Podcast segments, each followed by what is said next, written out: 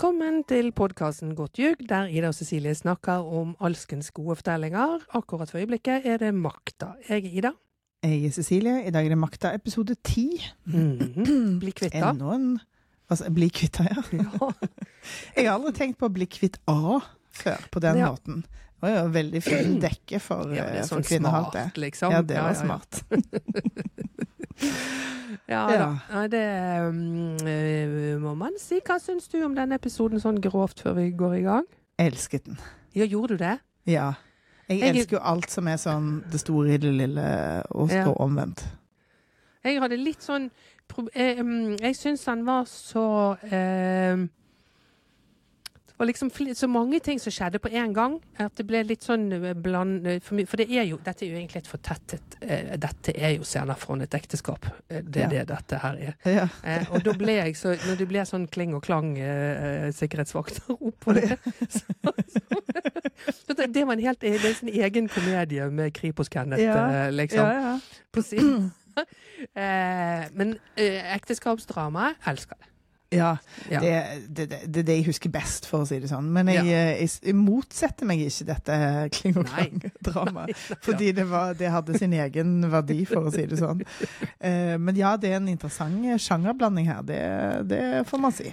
Ja, det er jo det. Ja. Og så eh, altså litt sånn overraskende at eh, nok primært bli en motor for trøbbel i ekteskapet, mer enn egentlig det politiske motsetningen mellom de to. Det var jo også et gøyalt grep. Men jeg tror Ja. at mye dette Dette er jo eh, tipper jeg, er gift med Gro som ligger i bånn Det her. vil jeg òg tro. Og Ja. der er jo ikke up to date. Nå har jeg, jeg henger jo som et slips etter deg og dine gode lesevaner, så nå har jeg akkurat begynt å høre lytte til eh, Lahlums biografi om Sten, som jo er veldig gripende. Ja, det vil jeg tro. Den har ikke jeg hørt på heller, så du henger ikke Nei. bak meg på noen som helst måte. Men det vil jeg tro at den er. Ok, så det er ikke, du, du, bare, du leser alltid så mye mer enn meg? jo, jo, jo, jo, jo. Jeg har jo lest den. Eh, det, det det med foreldre. Ja, jeg hadde det. Og Lahlum Ja. leser jo den sjøl. Nå kom jeg på det. Ja, det var så mange der en stund. Det en- var en det er sånn klump. Men det hjelper ikke hvis man glemmer det. Nei, nei, nei. Men han er, han er veldig god til å lese, Ja. lese og han er jo veldig god til å skrive. Så det, den er liksom så lettbeint og veldig dyptloddende på en gang. Jeg ble Mm. veldig rørt av den der barndoms... eh, Jeg Ja. har jo et litt sånn anstrengt forhold til biografier. Nettopp fordi at de alltid skal være så jævla episke, og det skal liksom Alt skal forklares og sys i sammen, på en måte. Mm. Men, eh, og det gjør han jo her òg. ja. Nå var det bare veldig rørende. Det var vel det, da. ja da, det er veldig rørende. Og det er jo et eller annet med de der eh, arbeider... Når man begynner å bli så gammel som man er nå, så er jo de som var eh, ikke engang gamle når vi var unge, eh, det er så lenge siden, sant? Så den barndommen Ja. sånn til sten, da, med liksom far og bror på fabrikken, og de dør av u... Altså, det, det kjennes jo som eh, så utrolig lenge siden. Så er det ikke det egentlig. Det, nei, nettopp. For det er det, jeg det det jeg blir rørt av. At Mm. herregud, det er jo rett før krigen. Ja. Det er liksom ikke, det er ikke mange årene før, før vi ble født. Eh, at, at dette var en virkelighet i Norge. Og det, liksom, det, gir sånt, eh, det gir så tyngde til, til det vi nettopp har sittet og sett i fiksjonen. Mm. Så nei, det Ja. syns jeg var ordentlig fint, faktisk. Mm. Ja, den er veldig fin, den. Jeg hadde jo egentlig en plan om eh, om eh, Gift med Gro. For det Ja. har jo liksom lysten til å lese den har jo vokst liksom Ja. utover her. Og spesielt når Arne Olav var så kjekk her da han Ja. kom på banen. Det det der. så, men så er jeg blitt fanget av en svensk krimserie, og nå er jeg plutselig på bok seks av den. Så det Ja. Som ikke er liksom som er egentlig så bra, men eh, gode nok karakterer til at åh, jeg ja. må når man kommer inn i sånn drag, det, er- jo Ja, det er det Det er beste. det. Ja. Så, så da, jeg, da måtte dessverre Arne Olav vente, og det angrer jeg jo litt på. Dette er jo hans episode. Ja, dette er hans episode, Mm. og skål for han. Og skål for den han. skuespilleren. Den er veldig Han er kjekk god. Han er veldig kjekk og veldig, veldig god. Han er så god til Ja. å være uspilt, syns jeg. Ja, ja, han er det. Ja. Det er Det er veldig det Som var så vanskelig før med alt, alt, alt norsk drama var så spilt. Og jeg ser han, han, er, han er bare helt han, han er helt snakkete. Jeg har aldri sett han før i noen ting som helst. Er han et Ikke- ubeskrevet blad? Jeg vet ikke. Vi må jo google han. Det har ikke vi. Jeg har ikke Nei, det har ikke jeg gjort. Det har ikke jeg gjort. Nei, Det burde vi ha gjort. Jeg bare tenker på han som Arne Olav nå, jeg, så, så det er litt mer Arne Olav har jeg googla masse, men eh, jeg har ikke sjekket den skuespilleren. han må vi faktisk eh, sjekke litt opp i. for Ja, Han er veldig flink, syns jeg. Veldig god, og Ja. veldig kjekk, som sagt. Jeg har brukt litt tid òg i dag mellom slaga med makta på å tenke på hvorfor menn fra Høyre er så attraktive. Fordi jeg har gått på en smell med han Peter Frølich. Fordi Ja. at han har jo et ordentlig Han har jo en krevende dialekt, samme som deg. Og så har han jo liksom et veldig sånn eh, det Sissel Rønbeck ville kalt det, typisk høyretryne. Ja. Um, og så syns jeg bare han har gjort det så bra i kon uh, kontroll, I kontroll- og konstitusjonskomiteen. Ja, han er Nettopp. veldig sympatisk fyr. Ja.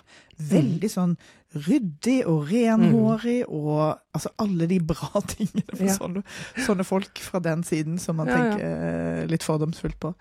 Godt Så, så han har jeg fått en skikkelig crush på. Jeg blir kjempeglad når han kommer på skjermen. Ja, Nei, men han er fin. Jeg er helt enig med deg. Ja. Um, nå er nok Arne Olav jeg vil sjekket litt opp her. Jeg vet at du sjekket unge bilder av han, at han var kjekk, men han var aldri så kjekk som dette. Han var ikke kjekk på denne måten, for her er han jo kjekk i vår tids kjekkhet. Mm, sant? Han ja, har litt sånn hipsterskjegg og er litt Ja. sånn lanky og høy og kul og avslappet og ta den din rullekake. Så, som kanskje er min favorittreplikk. Eller You take this cake. roller cake. Han er god på sånne pappavitser som jeg er blitt så Ja. gammel at jeg setter mer og mer pris på. ja ja, vi, det er jo Menn og kvinner sklir jo sammen etter en viss eh, tid. Ja, det er det. Ja, Ja, nei, han er er fin. Altså. Nei, det er hans episode, et veldig sånn egentlig fortettet eh, eh, ekteskapsdrama Mm. på en veldig stor scene. Eh, Mm. Og med bombetrusler eh, og all slags. Ja. Og, det, og jeg tenker jo at de har basert det på de to bøkene som han skrev, og så mm. samtidig så tenker jeg at de har tatt noen jafs og noen grep for å klemme alt inn i denne ene hendelsen, og det tenker jeg er, er helt legitimt og, og veldig fint gjort her. Mm. Eh, jeg er veldig begeistra for, for igjen, for hvordan de har liksom utført dette, og hvor mye de får hvor mye de får sagt, eller hvor mye de får vekka i meg gjennom å ikke si det. Som jo Mm. er liksom en sånn tilbakeholdenhet som de er veldig gode på, serieskaperne. Og dette Ja, det er det. Silje og Kristin som har eh, skrevet den episoden. Ja. Og regi har Stian Kristiansen, som jeg ikke vet hvem er. Nei. Det var jo heller ingen sånn voldsom eh, Hva skal man si Det var ikke det visuelle som var det spennende med den episoden, kan man si. Nei. Det, det, det mest sånn, de visuelle grepene som jeg applauderte høyt, det er jo egentlig ting som går på scenografi og på, på, med på, på kostyme. Kost og mask eh, har fått leg- Kost og mask har gjort, uh, gjort en ordentlig jobb her. Jeg, var, jeg er så glad av det huset til, eh, til uh, Gro og Arne Olav. Og så, det er noen ting her som jeg syns var interessante med hvordan de bruker det dokumentariske kameraet, og, og bruken av nærbilder. Det kommer vi Mm. tilbake til. Mm. Eh, men ellers er det på en måte en eh, Det er en ganske sånn streit historie, eller streit Ja. episode rent visuelt sett. Det er det. Funker som ei kule allikevel. ja. Som sagt, jeg tenkte at det var liksom Jeg, jeg eh, var liksom ikke helt enig med meg sjøl hva jeg syns om den Kling og Klang. Eh, eh, alt var så Men kanskje det var litt fint å få liksom brutt det veldig sånn Altså, jeg bare syns det var så gøy. Det var gøy. Det var Det var utrolig. Altså, det er mye vi skal Ja. komme tilbake med de, for der, altså, der jeg har ledd i dødsmye av det. Altså, det var ikke det irriterte meg ikke på noen som helst måte. Jeg syns det var så gøy, og at det Ja. var Kripos Kenneth som var han sikkerhetssjefen. Han, han Pørni-flørten. Ja. Eh, som er jo også mannen til Pia Tjelta. Eh, Ja. det, det er altså det, han, Han er, er, så han er god. veldig god. Ja, han er veldig god. Han er alltid god. Han spiller alltid veldig rar, og han er dødsgod på det. Så- Kjempevittig. Ja. Jeg syns ja, ja. sånn overordna sett òg at fordi de har jo gjort denne Bridgerton-greien med å liksom mikse ulike etniske eh, opphav uten å tenke på at det skal stemme med virkeligheten, med, og det har de jo gjort med stor hell. Men Mm. like begeistra som jeg er for at det funker, så er jeg begeistra over at, at Rogaland virkelig får plass her. sånn rent bortsett fra at jeg har lest at Leverås òg var Han var fra Haugesund.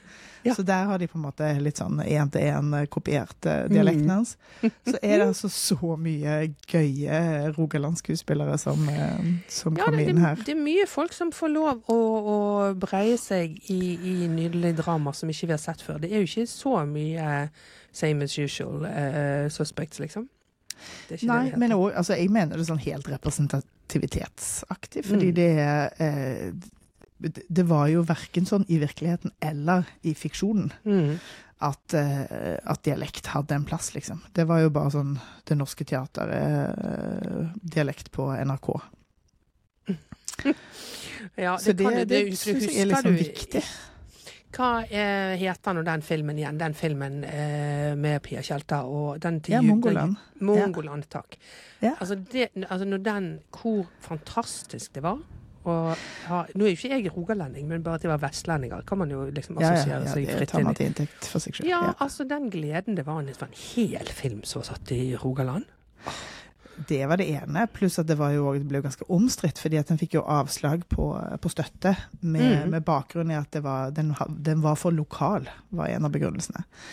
Eh, så, det- og det tenker jeg eh, Det gir sikkert ikke hele bildet av hvorfor den ikke fikk penger, men jeg tenker jo at den representerer et eller annet som, eh, som eh, handler om sånn som det var før. At det var veldig Mm. mye mer Oslo-dominans enn det det er nå. Så Mm. det syns jeg er litt sånn eh, udelt positivt. Ja, en god på påminnelse å ta med seg at Ja. verden har blitt bedre på det punktet. Ja, når jeg flytta til Oslo for snart 25 år siden, og da var det bare meg og en dame fra Sogndal på jobben som hadde annen dialekt enn en Ja. østlandsdialekt. Ja, sant. Så det, det glemmer man ikke så lett. Nei, Så, ikke ja. sant. Nei, Så, sånn var det det, sikkert altså. i politikken òg. Ja, heia det. Mm. Selv om i politikken så er det jo òg en, en viss regional liksom, tilstrømming, så klart. de kommer Ja, fra Bergen på. Stortinget. Spesielt så sitter jo de på Regjeringen kan jo være annerledes, men på Stortinget så er det jo eh, nødvendigvis De sitter jo på sin egen fylkesbenk og sånn. Ja. Så Men TV i 1981 var ikke så eh, mangfoldig på noe vis. på ingen Det kan vi slå fast. Ja. Ja, ja. OK, skal vi dra skal vi i gang gang? episode ti? Ja, la oss gjøre det. Vi starter jo med en scene som er veldig gøy. Nå går det jo rett i meta igjen, og jeg var jeg jo litt sånn eh, Var du klar for å bli hårsår sur? på sånt. Ja. Nei, jeg var ikke det. Fordi her syns jeg det funker fint. Både Ja. fordi at det er satt som en del av rammefortellingen, og fordi at det er, en, det er liksom en måte å introdusere en ny karakter på som er veldig Ja. gøyal, sånn som Ja. de gjør det her. Eh, de velger jo da at eh, Torbjørn Harr kommer inn i liksom eh, sminken der det er Gro som sitter og blir sminket. Mm. Eh, men det er også eh, Katrine. Er det det hun heter? Katrine? Katrine, ja. Ja. Torborg Johansen. Nettopp. Men hun er helt method og helt i karakter, mens han er da skuespilleren som kommer inn. Eh, og så får vi liksom se hans transformasjon til, eh, til Willoch. Og det er òg en litt sånn fin måte å eh, skru av det kritiske blikket på, på et eller annet vis. fordi at da har vi da har vi liksom fått med begge de to beina av den karakteren. Eh, og når jeg bare ser Torbjørn her uten at han har knirkestemme, så tenker jeg jo hvordan i all verden skal de klare å få til dette? Fordi jeg tenker jo at han ser jo så ung ut, så jeg måtte slå opp, liksom. Og han er jo da 49, og Willoch på dette tidspunktet er 53. Det, slo, det har jeg også slått opp. Altså, det, er helt, det er helt rystende. Men det er jo sånn altså, sånne, Det var jo menn med hatt fremdeles på, i Ja, ja. 81. Sånn, som, altså, det at han så sånn ut og var Ja. 53 Det var ikke noe hipsterskjegg å hente der. Nei, det var ikke noe hipsterskjegg skjegg der, nei. Så han er jo, han er jo Det handler jo om tiden, selvfølgelig. Men, eh, men han var jo da en veldig gammel 53-åring med vårt Mm. blikk i dag. Ja. Så Nei, det- alle var, som var jo eldgamle når de var 53. ja. Det er jo det.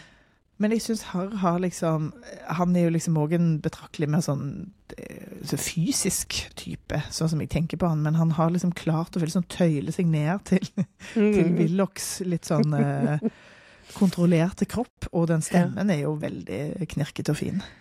Jeg vet du hva jeg hørte, fordi at Seriesnakk på NRK har jo, er jo ute før oss, så den hørte jeg på i formiddag. Um, Ja. Og der er Torbjørn Harr intervjuet.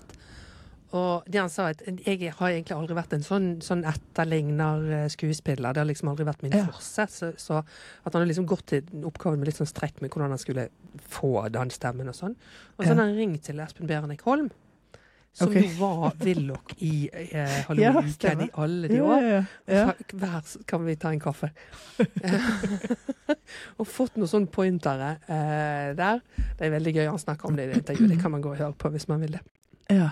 Eh, så liksom, og, og trent, men selvfølgelig brukt mye tid på å jobbe med den stemmen, så klart. Jeg syns det funker fint. jo. Han lykkes kjempebra, men det syns jeg. Ja, Han gjør det.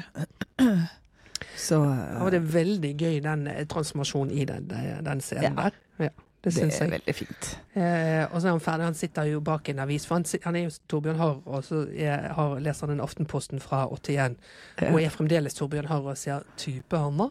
Og så går han bak avisen, og når han tar avisen ned igjen, så er han ferdig villok med eh, dress og alt. Ja. Og er bak avisen så har han sittet og plystret litt sånn irriterende, så det er vel ja. Og antakeligvis han 'ja, fru. Brundtland, da er det oss'. Og så er Ja. det vignett. Det er fint, altså. Ja, og så er- får han jo en liten sånn eh, Kåre. Ja. eh, intro der, før Mm. vignetten går i gang. Det ser ut som samme vignetten. Jeg har ikke liksom eh, Ja, hatt er kapasitet til å gå tilbake og Nei, det Det er er i hvert fall sånn- samme stil. Ja. Ja. Eh, nei, det, det, det vil være overraskende. For dette, da har de sneket inn så lite at det er nesten umulig å se det, og da er det ikke noe vits i. Du må jo endre litt mer enn bare liksom ett bilde i så fall. Så det er litt den samme. Og det er jo ennå demonstranter og reiulfer fram og tilbake, selv om han da er ute. Og samer og ja. Ja. Så, um, nei, og så går vi etter vignetten, så er vi inn i uh, en tekstplakat som sier to dager tidligere, og Gro som går opp fra kjelleren. For hun bor jo i et hus som er første etasje og underetasje. Mhm. For det virker som soverom og bad og sånn er nede, og så er det stuekjøkken oppe. Ja. Det er Det sånn sånn terrengsaktig hus. Jeg synes det er bygget Ja. i terrenget. Det har vært noe stein som har gjort at det måtte bare bli sånn. ja. Men så du det der overblikksbildet av den Ja. tomten? Ja. Altså, det er jo et helt fantastisk hus. Det er sånn funkishus som ligger helt nede ved strandkanten på. Bygdøy. Får man jo anta, da, siden det er der det satt. Ja. Um, en, en hage som er helt uopplantet, det fikk jeg helt sånn uh, tics av. Ja, Når skulle de få tid til det, da? Jeg vet, men kunne de ikke hatt folk til sånt? Nei, sikkert. Hadde de hadde jo tre gutter, til- så Man hadde jo ikke folk til sånt før. sikkert fint at ungene kan spille fotball. På Bygdøy eh, hadde de nok hatt folk til sånt, vet du, så de kunne sikkert sneke seg til naboenes gartner. Men det var andre tider. Ja, så, det- så det. Men jeg vet ikke, jeg liksom lurte veldig på hva slags tomt de faktisk bodde på der ute på Bygdøy. Fordi den her er jo den er jo veldig fancy. Den, du liksom, du ser jo seilbåter i bakgrunnen når Mm. hun sitter og jobber på et tidspunkt der. Uh, ja, men det er, det er en underetasje og en uh, førsteetasje, som du sier, uh, i sånn funkestil, med sånn skikkelig sånn furutrapp som hun går opp og ned. Og jeg er så begeistra for det huset at jeg har bare Ja. lyst til å flytte inn dit eh, Og det er sånn, sånn peis med sånn murstein rundt, som, sånn, og, og, sånn som er jo sånn 70-tallsaktig. Og så er det mye sånn å, sånne bokhyller med masse bøker stablet i hytt og pine. Og litt sånn det er, det er ikke noe sånn det er ikke noe fans, Ingenting er fancy i det huset. Det er egentlig det man blir så begeistret av. Ja. Det, eh, på badet så har de sånne litt sånn eh, mm, petrolfarga eh, fliser som er bare sånn 15 ganger 15, helt streite. Mm. Eh, og det tenker jeg det er helt Jeg kjøper det 100 Mm. At det er liksom et eh, Det er jo litt sånn old money-stil, sant? At det er på en Ja. måte en eh, At det er veldig fin tomt. Helt, helt grei inne, men ikke noe sånn luksuriøst. mm. Eh, så det, det henger veldig sammen med, med Gros bakgrunn, Ja. tenker jeg. Mm. Mm. Det, det har du nok helt rett i. At den, den, litt sånn snobbe nedover-aktige Skal ikke være noen lysekroner her, liksom. Ja. Mm.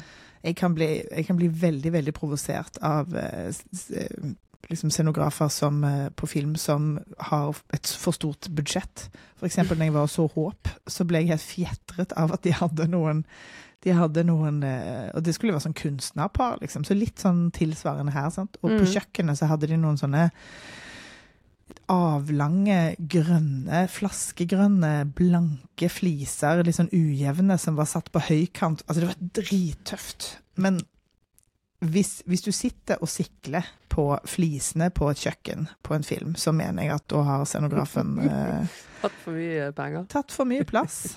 Ja, og, og hatt for mye penger. Så, så det, det å liksom være tro mot uh, universet, det tenker jeg er Mm. sentralt. Det har de i hvert fall klart her. Ja, det er et fint hus, og det er jo åpenbart Jeg tenker jo at det, er liksom så åpenbart et bebodd hus, for dette kjøkkenet er liksom litt pusset opp. Det er sånn fancy sånn skuff i skuff-ting, ikke sant, som er jo sånn ganske nytt. Eh, Ja. Det tilhører i hvert fall ikke 1981. Samtidig så det er en sånn kjip, gammel ov- stekeovn, og, og det er liksom Det er sånn veldig sånn blanda Det tilhører folk som også er sånn. Ja. Så Ja. Nei, det var eh, Det var gøy, syns Ja, det er fint. Det er Mm. veldig, veldig fint. Og så er det jo på toppen av det hele, for når Gro kommer opp den trappen og er liksom klar for dagen, så står Arne Olav og spiser frokost på kjøkkenet i pysj og morgenkaffe. Mm. for det første blir man jo alltid veldig svak. men i pysj blir jeg så svak av.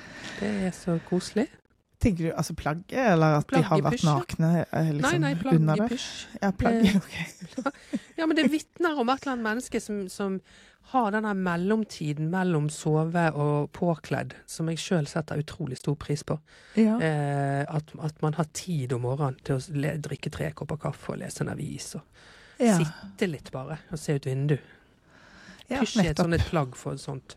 Absolutt. Han har jo òg morgenkåpe på seg på Mhm. dette tidspunktet. Det, morgenkåpe er jo òg en sånn transisjonsplagg. Ja, han har jo til og med begge deler. Dette er Ja, mannen som å begge kose seg. Han er en kosens mann. ja. Men Gro blir jo litt stressa, for hun, er jo, hun vet jo at det kommer fotograf. Og har ikke du skifta ennå? Så det blir litt forvirring. For det, å, skal jeg være med på det? Og fram og tilbake. Og plutselig står han der, fotografen, og Ja. Arne Olav er i pysjen. Og det er altså så infamt, dette. Denne fotoshooten er så slem. Og de er så underdanige. De gjør alt de får beskjed Ja. Det er ikke noe sånn protester... No, sant? Det er ikke noe sånn medietrening, tenker jeg, på dette Nei. tidspunktet her. Det er ikke noen presserådgiver som er der. Det ville det vært i våre dager. Så ville det vært Ja. en rådgiver som hadde sagt eh, nei, det bildet skal vi ikke ta. Ja. Så, så den fotografen, som jo ikke virker som verdens smarteste heller, får jo fritt spillerom til å fremstille Arne Olav som Arne Treholt, liksom, som ikke de visste om. Eller som, eh, som mannen til Anniken Huitfeldt, og som kanskje er mer eh, Men det er altså stakkar, jeg syns så synd i de der de bare liksom lar seg peke rundt og sitte Ja. på kne og Uff a meg. De har jo valgt at fotografen egentlig er en ganske sånn godslig type, som ikke Det de Mm. virker jo ikke virker jo mer som at han har lyst på det, det motivet som handler om at her er det kona som er ute, og mannen som er inne. Men eh, når, når Gro kom på kontoret, så ble hun en gang stilt til veggs for at Men herregud, her ser det jo altså ut som at han har innsikt i papirene dine, siden han står og legger ting ned i eh, Ja, for det ser ut som han tar, ting ut. Ja, det er akkurat det. Og Og når eh, Ingjald og Martin eh, påpeker dette her, så, så Gro forstår det bare ikke. Så, ja, men han er jo ikke, han er jo ikke sånn. Har, igjen da, så er det det der eh, veldig sånn én-til-én med henne som gjør at hun klarer ikke se lenger enn Ja, men jeg vet jo at han ikke er sånn. Så det at bildet Symbolikk er ikke hennes eh, sterke side, sant? Nei. I, Det er sånn det som Gro er fremstilt her. Det er jo Nei. det som hele tiden Når, eh, den scenen som var så fin, der møbelhandleren snakker om Gerhardsen og symbolikken i å bo, bli boende i den leiligheten på Tøyen, Ja. som Gro ikke kan forstå. Dette er litt av det samme. Ikke se et hakk lengre til at dette Ja. bildet kan tolkes. Ja. Det, det syns jeg jo at man må liksom eh, tilgi henne litt for. at det er jo akkurat det der når du står på innsiden. Altså, Jeg blir veldig nysgjerrig på når De må jo ha skrevet det for lenge siden, men når de spilte inn dette. fordi at dette er jo Nå er vi jo så langt ute i fiksjonen at det kan jo ha skubba inn på det som skjedde tidlig i høst. Med alle politikere. Det er jo veldig vanskelig å ikke tenke på både Erna og Anniken eh, når, når vi ser disse scenene. Mm. Jeg ser liksom for meg at drama tar alltid så jækla lang tid. Det tar så Ja. lang tid i klippen at det vil Ja, forbause meg, egentlig. Ja, jeg vet, men det er liksom det er, samtidig så er det bare sånn Men herregud, hvor mye av et lykketreff er dette egentlig? Det, det klinger jo sammen med alle andre Ja. fortellinger på en sånn mesterlig måte. Dette må jo vi kunne klare å finne ut av. Ja, Sett- Sette opp en liste. Det holder for meg å spekulere, egentlig. Ja, ja, ja, det er sant. Og det som er jo helt ubetalelig her, er jo at vi får jo også se bevis på at dette faktisk skjedde. For vi får Ja. se originalavisen. Av Jeg det forferdelige bildet. ja, ja, Ja. gal. Det er 100 000 prosent eh, bra. Ja. At, de, at, det, at det finnes. Det er klart de må lage en scene når det bildet finnes. Det, det sier seg sjøl. Det, må jo, det, må, det må jo gått den veien mer enn andre veien. sant? Hva mener du andre veien? At de har, de har funnet i arkivene så har de funnet dette bildet og bare tenkt OK, vi skriver en scene basert på dette bildet. For det er jo Vi skriver en episode basert på dette bildet. ja, Ja. ja, men Det er absolutt. Det, fantastisk, altså. at de har gått med på det. Det er litt sånn som det med Reiulf eh, Ja, når tidligere. han har vondt i- ryggen. Ja. Ja.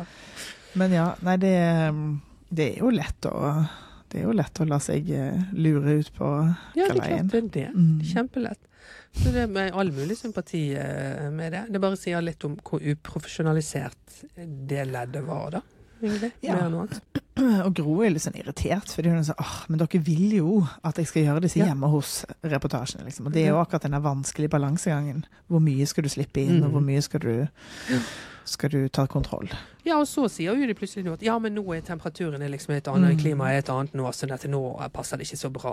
Stakkars hun jo bare følge en avtale hun har fått for lenge siden. Hun har ikke organisert dette sjøl, liksom.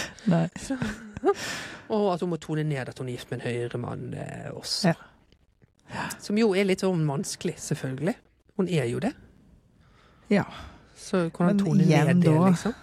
Ja, men, men igjen så handler jo det om at hun er kvinne. Fordi hvis han hadde vært eh, en kvinne, så Altså, hvis han hadde vært omvendt, så, så hadde det jo på en eller annen måte eh, Det hadde ikke kommet i konflikt med at mannen tradisjonelt er husets eh, overhode, sant. Det er på en måte Menn tilskrives mer agens enn kvinner i den sammenhengen. Så det, er jo, det, det forsterker på en måte bildet. At gud, du har en mann som er en høyremann. Det Ja. er litt annerledes.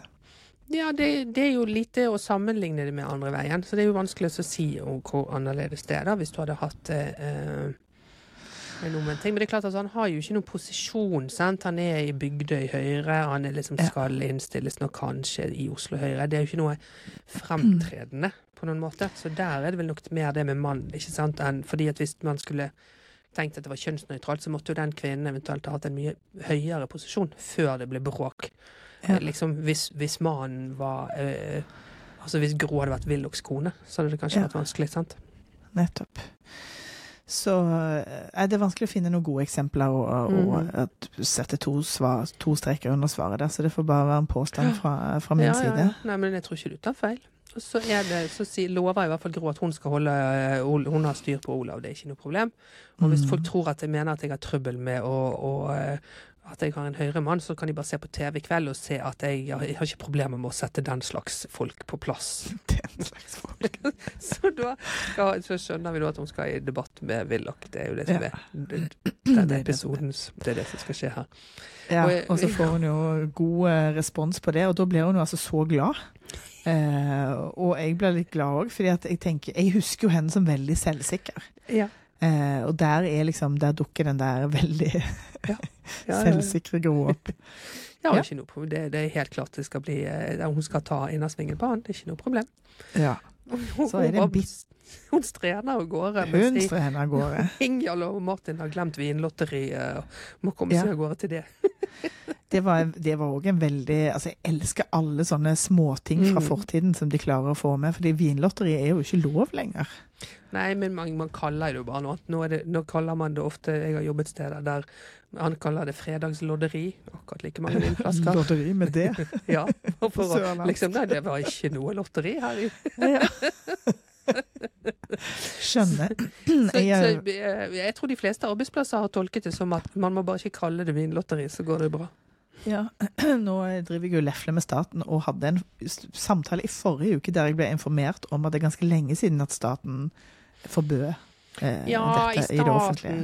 Ja. en- For det er jo flere ting som kommer i spill. ikke sant? Og det er sånn ansvarlighet med, med alkohol i tillegg, og alkohol Yes. og arbeidsplasser og sånne ting som gjør at det liksom ikke passer seg helt. Jeg, har jo, jeg frekventerer jo bare det private arbeidslivet, og der lever lodderiet i Ja, Men det kan hende at det er det vil jeg tro er litt mer blanda. kanskje for politiet på døren og spør hvor er det de har lodderi. Du tenker politiet sitter, sitter klar for å høre på vår podkast. Det syns jeg er en selvtillit som vi skal unne oss. Det blir spennende. Jeg skal rapportere hvis det skjer. Ja, gjør det. For guds skyld. Og så går vi derfra og til en fantastisk scene hjemme Ja. med Arne Olav. Virkelig. Han sitter og fikser sykkelen til en av ungene. Eh, når, det kom, når naboen kommer forbi for å gratulere han. Eh, og hun er altså verdens gøyeste, mest klysete vestkantdame. Hun Helt er fantastisk. så Hun er perfekt vestkantdame. Helt Ja, perfekt. Det er hun virkelig. Ja. Eh, og til Arne Olavs eh, eh, fortjeneste så, så ser det ut som at han eh, misliker henne sterkt. han. Men det hun kan eh, røpe da for han, er at hun har hørt Det er sikkert hun som har eh, tipset Mm. nominasjonskomiteen i Høyre om at om at han burde eh, nomineres til stortingslista til, eh, til høsten. Eh, det kom jo som en overraskelse på han. Eh, men det er jo bare et forslag til nominasjonskomiteen.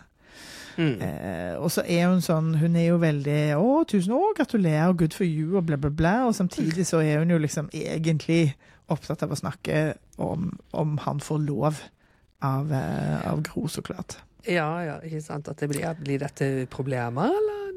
Dette får, også, og at Gro har eh, Fordi at hun, hun driver jo er litt sånn infam, ikke sant? Er det vel positivt? Eller?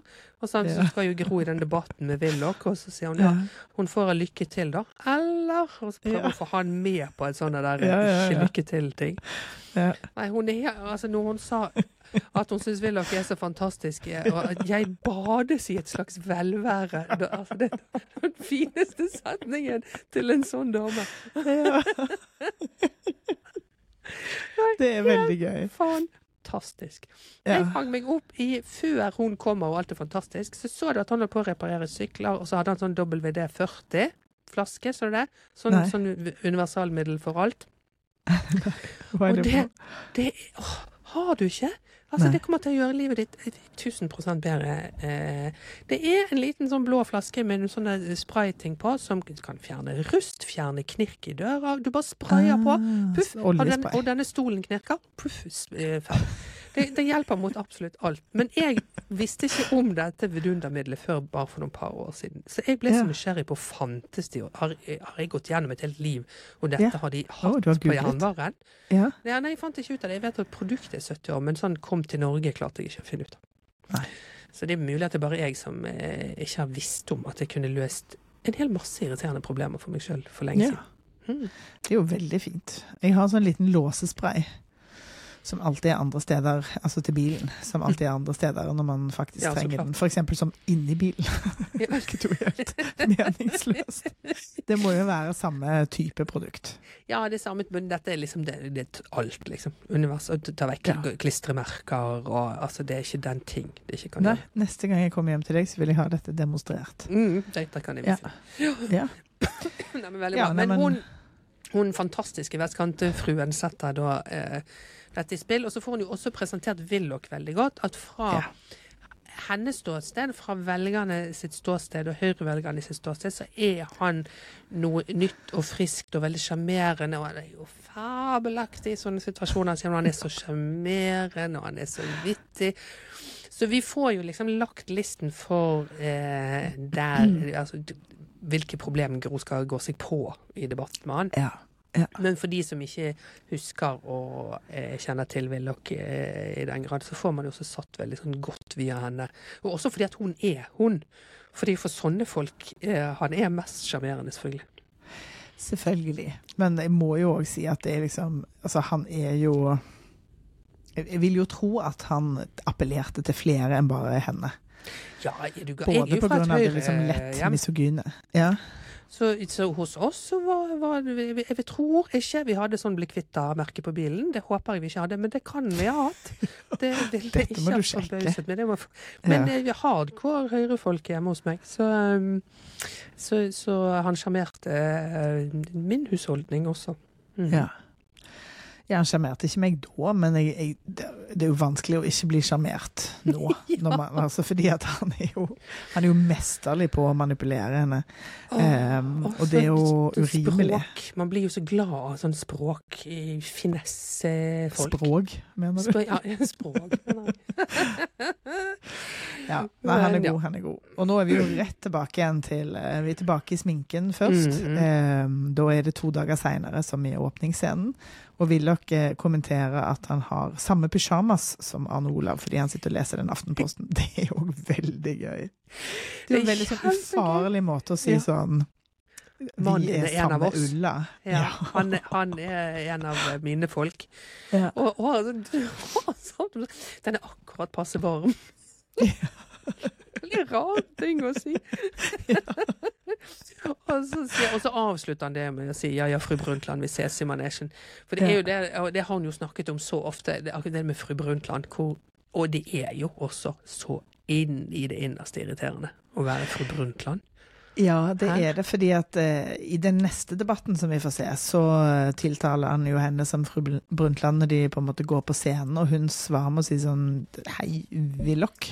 Mm. Uh, og hun kan jo ikke Det er jo litt det samme som eh, med dronninger og konger. Sant? Hun kan ikke tiltale han som herr Willoch uten å på en måte sette i spill denne rangordningen mellom Mm. de titlene. Mm.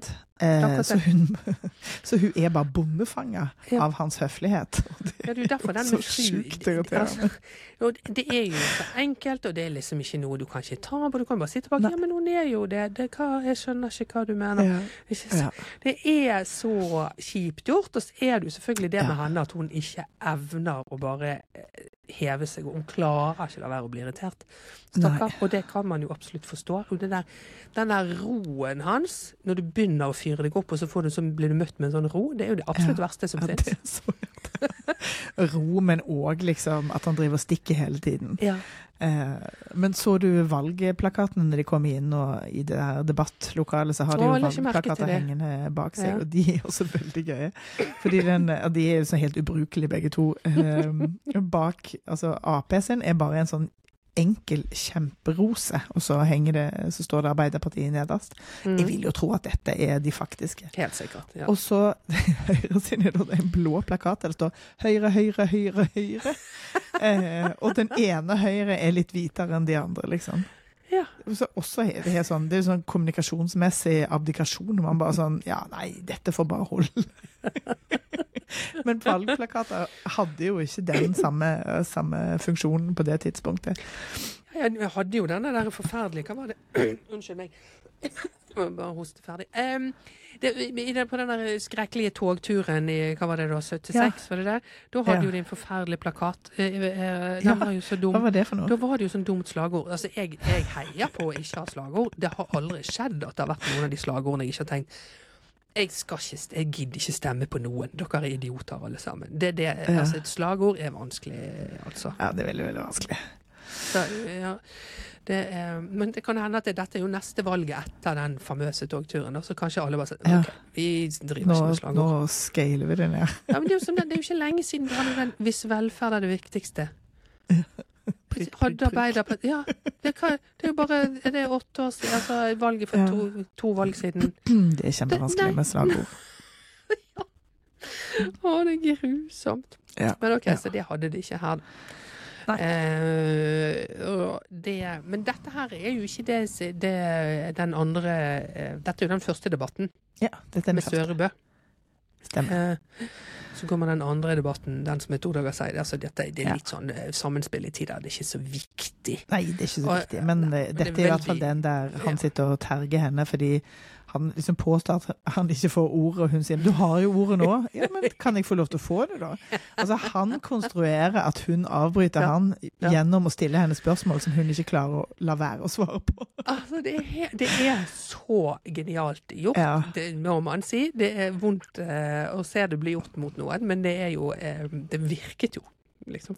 Det, er virker kjempebra. Og for, for de av oss som da var ungdommer på 80-tallet, som jo er veldig nære tid, så er det jo full flashback til hvordan Mm. man pleide å bli liksom mobba av guttene i klassen for, eh, for ymse sånne likestillingsting. Um, så, og jeg tenker jo at det var som en skole for de å se Willoch uh, og de Mm. grepene her, og det var Jeg lærte i hvert fall ingenting av å se Gro. For- Nei, men man burde jo lære av Willoch. Man kan ikke henge seg sånn opp i kjønn der. Man må lære av Ja, til Willoch, Man rett må og slett. av. Eh, det, er jo, det er jo den fellen man liksom noen ganger altså liksom Kvinne, kvinne, kvinne, kvinne, og så glemmer man det. Så det, det, der er mye smart. Jeg må ta det som de gjør. Ja. Liksom. Og bruke det. Men, eh, den, og den går jo i gang her. Dette er jo ment å være akkurat det. Fordi at musikken, så, det er jo sånn boksekampmusikk som ligger under her når dette starter. Og det er jo det det blir. Og det er Hun går så inn i problemer, for det, det er jo det problemet som også var forrige gang. ikke sant? Det med Ja. at eh, eh, du, du kan ikke svare på det Nato, for da begynner du også å si sånn, men på dette er et vanskelig spørsmål. Og det er nøyaktig det Ja. samme som skjer her. Der hun eh, sier til Heradsveit at nei, men du stiller spørsmålet slik at det tvinger seerne inn i forvirring, eh, og, og, som gir Willoch muligheten til å si er det ingenting feil med denne måten spørsmålet? Men det, altså akkurat den siden ved henne, eller i hvert fall karakteren her, da, sånn som de velger å, å se henne, så er det jo det at hun er helt ute av Fordi at hun fyller på med fakta eh, såpass mye. Så da, jo mer fakta du har, jo vanskeligere det er det å være svart-hvitt. Mm. Og hun ikke evner å helt eh, eh, retorisk heve seg over det, så skal alle de faktaene med, og da et enkeltstilt spørsmål klarer, går ikke an å svare på for henne. Det, er der hun roter seg bort. Ja. Hun roter seg bort, stakkars, på så mange, mange måter. Mm. Eh, og det må man jo bare gi Willoch. Han er jo bare en bedre debattant enn henne på, Ja. på dette tidspunktet. Og så blir det jo mer likestilt etter hvert. Men her, eh, her lar hun seg piske rundt i, mm. Mhm. i manesjen på en måte som, eh, som ikke er greit. Og det er jo også Ingjald og Viktors eh, konklusjon når de eh, treffer henne på kontoret dagen etterpå og forsøker å fortelle henne at det er ikke det at hun er sint, men hun kan framstå litt Ja. sint. Og det er Ja. sånn der, Men jeg er jo ikke sint. Nei, men det kan Ja. Og hun sliter jo sånn med dette, og dette sier hun jo seinere, hun sier ikke det her, men at, at eh, hun forstår Fordi at han er så morsom, og alle ler av han og sånn. Og hva har humor inne her å gjøre? Vi skal jo debattere viktige ting. Å, Ja. stakkar. ja. Med den innstillingen så blir det vanskelig. Ja, ja. De gjør henne jo òg ekstremt naiv. Hun var nok mindre naiv liksom i, uh, utenfor ringen, tenker jeg, men, men hun lar seg jo hisse opp på en måte som, uh, som ikke tjener henne. Det er så vittig, og sier hun til, til uh, Ingjald og, og Viktor der at eh, ja, du kan jo prøve å sitte der med han selv, da. Fru Brundtland, fru Brundtland, med den tynne, dumme lille stemmen. Det lo jeg så godt av. Skal jeg vedde på hun har sagt en gang. Det skal jeg vedde på. Hun, eh, hun, var ikke for god til, eh, til litt lytehumor. Det. oh, det var så Ja. gøy. Men i hvert fall så foreslo de sporenstreks litt kameratrening. Det skjønner hun ingenting av. Hun har jo vært masse på kamera. Eh, og så eh, får vi bare Så hopper vi rett til at den kameratreningen er i gang. Og det trenger hun virkelig, fordi hun skjønner ikke, hun skjønner ikke engang at kamera som lyser rødt, er det som er på. Så hun liksom virrer rundt med blikket, og det demonstreres hvorfor man trenger kameratrening, helt enkelt. Ja, det- men jeg oppfattet du at det var det kamera, at det var kameratrening? Jeg trodde det fremdeles var det møtet de hadde der de satt og så på videoen av, av i går, liksom. Og at eh, Se da her, du virrer. At, at ikke de var Ja. liksom eh, Ja, men jeg dette- bare tenker at det var litt kameratrening. ja, det, var, det var det som var trening. på det som Ja. Kanskje det var det som var trening. Det kan nok hende den gangen. Men dette er gøy, for dette var det i Makt og mannfall', det er en av disse bøkene jeg har lest i det siste, at dette er helt sant. At det var liksom langt ute i karrieren dette med rødlyset eh, gikk opp for. Hun fikk det å vite. Det er jo litt kjipt at ingen har sagt det henne, hvis de har skjønt. Ja. Men kanskje ikke de skjønte at hun ikke visste det, da? Nei, det er jo av og til vanskelig å vite hvilket nivå man skal starte på, liksom. Men jeg er jo helt enig med henne. Det er jo ikke intuitivt. Nei, nei, det er klart det skal være grønt. Det, det er jo alt annet. Det er jo, det, hun har helt rett. Hun har jo oftest Ja. helt rett. Det er jo Ja. det, det for Og det hjelper liksom ikke. Å nei, det er Ja. altså så gøy. Så kommer hun hjem eh, til middag her. Der, altså Arne Olav har brukt smør i middagen. Det er en diskusjon En bra og det tipper jeg jo også, ja. Men det er jo nok også um, For det har jeg jo forstått at er i eh, den Gift med Gro, altså når de to skal slanke seg, uh, og de går liksom så opp i den oppgaven med å slanke seg uh, på sånn Gros vis, ikke sant. Han er vel litt Ja. løsere i fisken, mens da blir det så stramt og strengt. Alt hjemme der. Hun gikk jo ned masse en stund, men eh, på Det var, det var ikke noe sånn der lavkarbaktig, vet du, bare på den kjipe måten med ikke noe smør og sånn, så Ja, ja. skummet melk og Absolutt. Alt det som ikke funket. Men i dag er det i hvert fall smør i maten her, så det Ja. syns jeg var koselig. Skal jo ha gjester og alt. Mm. For her skal altså eh, Einar Førde og Sissel Rønberg komme på middag. Ja, det må være det mine favorittgjester. Jeg vil ha de på middag eh, når som helst. Det kan godt være at det er pga. disse to skuespillerne. de er så fine sammen. Ja, eh, veldig. Funker kjempefint sammen. Men i hvert fall, da. De, eh, det er nå litt sånn at hun kommer dundrende inn og forteller masse om den artikkelen og det, hvordan det blir lest, og statsbesøket med Mugabe, og, eh, og tenker, eller å si til han, instruere han om at det er best at jeg tar det statsbesøket sjøl. Eh, og da blir han jo litt sånn eh, lei seg. Han blir jo kjempelei seg, for han er jo Ja. NUPI-forsker og eh, Ja. utenrikspolitisk Han er litt sånn. interessert i Og. Mugabe var jo fremdeles en helt på det tidspunktet, sant? Ja. I 81. Så han ville jo gjerne møte Mugabe, og han er så lei seg for det. Og, og da blir han litt sånn Men vi skulle jo gjøre det sammen, og det er så lenge siden, og Nei, det har jeg skikkelig lyst til. Ja, og så, så avbryter hun han òg, for han, det er mye avbryting fra henne i hele denne episoden Ja, her. det er det. Ja. Ja, ja. Det er gjennomgående, og spesielt Arne Olav blir veldig mye avbrutt. Men også Ingjald og Viktor. Altså, det er så mye avbryting fra hennes side. Eh, så eh, Og hun bare sier ja, men det er ikke noe vits å gi dem mer vann på mølla. For det hele poenget her er jo alle de som er ute etter henne, eh, og Ja. at hjemmebanen skal ligge litt lavt fordi at han er høyremann. Ja. Og han har jo prøvd å, få sagt til henne når hun kommer inn døren der med at han er spilt inn til den nominasjonskomiteen, men Ja. han blir jo avbrutt da òg. Ja. Så når hun kommer ut etterpå og sier 'Hva var det du skulle si, forresten?' Så endelig får han sagt det. Og så, Ja. og så sier hun 'Jøss, ja, det er jo bare å si fra da til komiteen, at, at, at eh, så kan de se vekk fra det'. Og han er Ja. sånn 'Ja For det som jo børster det, hun børster det vekk som en liten eh, flue. Når det er symptom på noe annet, som eh, en annen ambisjon. Ja, det er jo det at hans ambisjon Det er ikke noe plass for noe hans ambisjon i, dette forholdet på dette tidspunktet. Eh, Og det, hun, lytter, hun lytter etter feil ting. Hun, hører, hun hører fakta. Og de har, spurt, de har sagt dette til deg, ja, det jo ingen, spiller jo ingen rolle. Hun hører ikke, hun hører ikke lysten hans. nei. Eh, og rett etter at han har sagt at 'jeg vil så gjerne være med Ja. og Nei, treffe Mugabe'. Det som er interessant, det som er interessant som vi ikke får fortalt i denne historien her, men som man jo undrer veldig med på sånn menneskelig plan, er hvordan kom de fram til den avgjørelsen på hjemmebane med fire barn at du kan gå inn i politikken all in, jeg tar meg av hjemme. Altså hvordan det artet seg for en mann som vi må jo tro hadde ambisjoner der, da. Jeg må lese den boken, jeg, rett og slett. Ja, du, nå må du lese Ja, det er jo to, så nå må Ja. du lese begge de to. Ja, men det er staten jeg ikke er jeg mest opptatt Nei, men jeg er mest opptatt av staten, så jeg kan ta den. Ja, du er så effektiv på det så det må vi, det må vi eh, Mm. Ja, for det blir jeg skikkelig nysgjerrig på. Eh, mm. Eh, og det gjelder jo ikke Det gjelder jo selvfølgelig mer på grunn av kjønnsrollene eh, eh, her. Eh, men det, det, man blir jo nysgjerrig på det i alle par. Men, men eh, det blir jo så mye synligere når det er kvinner som går all in i eh, en karriere med fire barn hjemme. Helt klart. Og Mm. ungene på dette tidspunktet er jo relativt store, de er jo fra 14 år oppover, men, men det er jo barn, liksom. Så Mm. de må jo tas vare på. Jeg er veldig, egentlig veldig glad for at de ikke kom inn på det her, men eh, jeg vil gjerne at du leser det så jeg får vite det, men eh, Mm. hvis det blir berørt. Eh, men jeg er glad i denne fortellingen at de ikke Ja.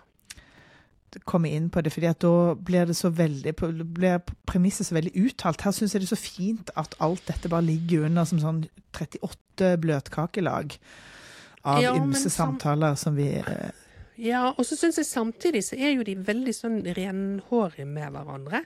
Eh, det, fordi at det, det spilles ikke skittent i den forstand at det er Nei. typisk, og den du skulle, og no, du Nei. lovte meg Det er ingenting av de tingene der. Det er bare helt streit. Her er vi nå. Eh, Ja. Som er jo veldig fint. Det er ikke rart de har holdt sammen så lenge som de har. Nei, nei, og det kan jo godt være at det var en skitner i virkeligheten, Ja. men, men i denne fortellingen så, så overlates vi til å fantasere om alle de tingene der, sant? Ut ifra egne Mm. dårlige erfaringer med forhold. Veldig lett å leve seg inn i hvor vanskelig det kan ha vært. Ja, ja, ja, jeg er kjempefascinert av det. Og så Ja. har jo hun bare nå fått avsluttet dette for sin egen del, for hun syns jo det er helt latterlig. Så hun sier nei, ja, Ja, da er det jo bare å si fra til de da, at det blir ikke noe av det. Og, så, og han står ja, og er liksom ja, mm, eh, med det fine ansiktet sitt, og så bare roper hun sånn Du har ikke en vits på lager, vel? Så? Ja, hun vil ha en vits til Einar Førde. for Førde kommer han. Han jo så, holder jo på med sånn vits hele tiden. Det er ikke det at han er så morsom hele tiden, altså. Ja, eh, jo, han er det. Det er bare det at Jo, du han ikke Det er du som ikke skjønner det. Ja. Og han har så mye gode vitser. Hvorfor kan ikke jeg le når LO, for eksempel? Den hadde jeg glemt. Den har ikke jeg hørt på kjempelenge. ja, det er pappahumor. Det er det Ja, det absolutt. er det. det er Men hun gøy. velger å ta sin egen. Hun løper ned og skifter og kommer opp igjen når det ringer på døren. Og, så, og da står Einar og Sissel utenfor, og da sier Gro nei takk, vi er ikke interessert i støvsugere. Og så lukker hun døren. Og så fornøyd med seg sjøl. Og Arne Olav òg står i bakgrunnen og gir tommel opp og sier 'bra, Gro'. Ja. Jeg elsker de to. De er altså så, gode sammen. ja, de er så gode sammen. Det er det. Jeg håper virkelighetens Gro og Arne Olav Ja. det like kos Ja. sammen. ja, det hadde vært fint. Ja. Altså, så når han åpner igjen, så er også Førde litt på det samme. Ja, neste det, ja, det er topp, det er grå. Ja, nei, der tok du oss skikkelig grå, sier han med den der infame som hun ikke tar. Det, det, det som er så gøy, er jo at hun tar ikke hans nei, nei. Det er så gøy! Og han sier at Sissel holdt på å dra hjem, og, nå, og hun blir så fornøyd. Så, nei, men ta en sprek da, Sissel. Det Det er så veldig vittig. gøy. Ah, Ja, det, det er er så godt skrevet, og det er godt spilt, og jeg bare koser meg sånn med det. Det er veldig godt. Og så har hun en eh, samtale med Sissel eh, der hun sier at ja, det er så Sissel er veldig sånn ja, og tusen takk for at vi får, får lov til å komme. Mm. Hun er jo 31 på dette tidspunktet, så hun er ikke noe sånn Ja. spring chicken. Men eh, hun er jo, hun er jo av eh, AUF-gjengen, så hun er vel liksom eh, Det å bli invitert opp til neste hakk er vel eh, så klart en et bevis på at hun eh, er på vei Mm. steder.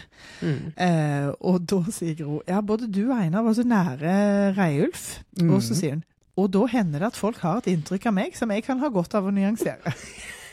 og den, nei, det er en fantastisk setning. Det er jo, de tar jo på en måte hennes måte å ordlegge seg eh, i debatter. Løfter de jo inn i, eh, i hvordan hun er privat, og det kan jo Man får jo egentlig håpe at hun eh, var mindre kantete der, men i denne settingen, som jo er sånn semi-privat jobbmessig, Mm. så er den jo, er jo en veldig fin måte å forsterke dette. At hun er, hun er både liksom Hun er både kalkulert og ubehjelpelig autentisk samtidig. Mm.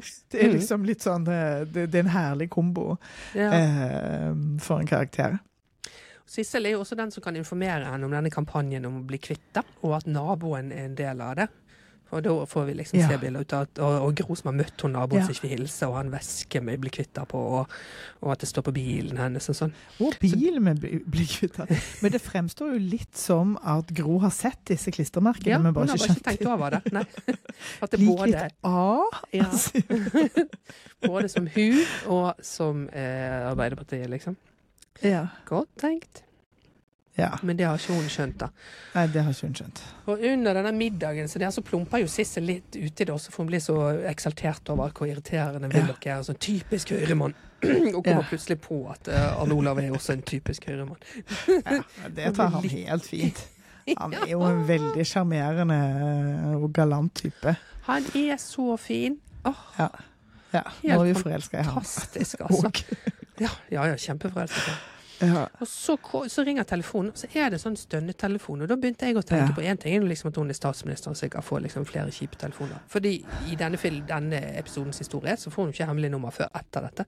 Som Ja. er jo helt rystende. Men husker du at det var veldig mye sånne stønnetelefoner før? Det, eh, Nei. Men det var jo mye tulletelefoner, liksom. Ja, men jeg husker stønnetelefoner og ikke, ikke, og ikke bare én gang. Altså, jo- jeg tror ikke rettet mot meg, at folk bare ringte til vilkårlige numre og stønnet.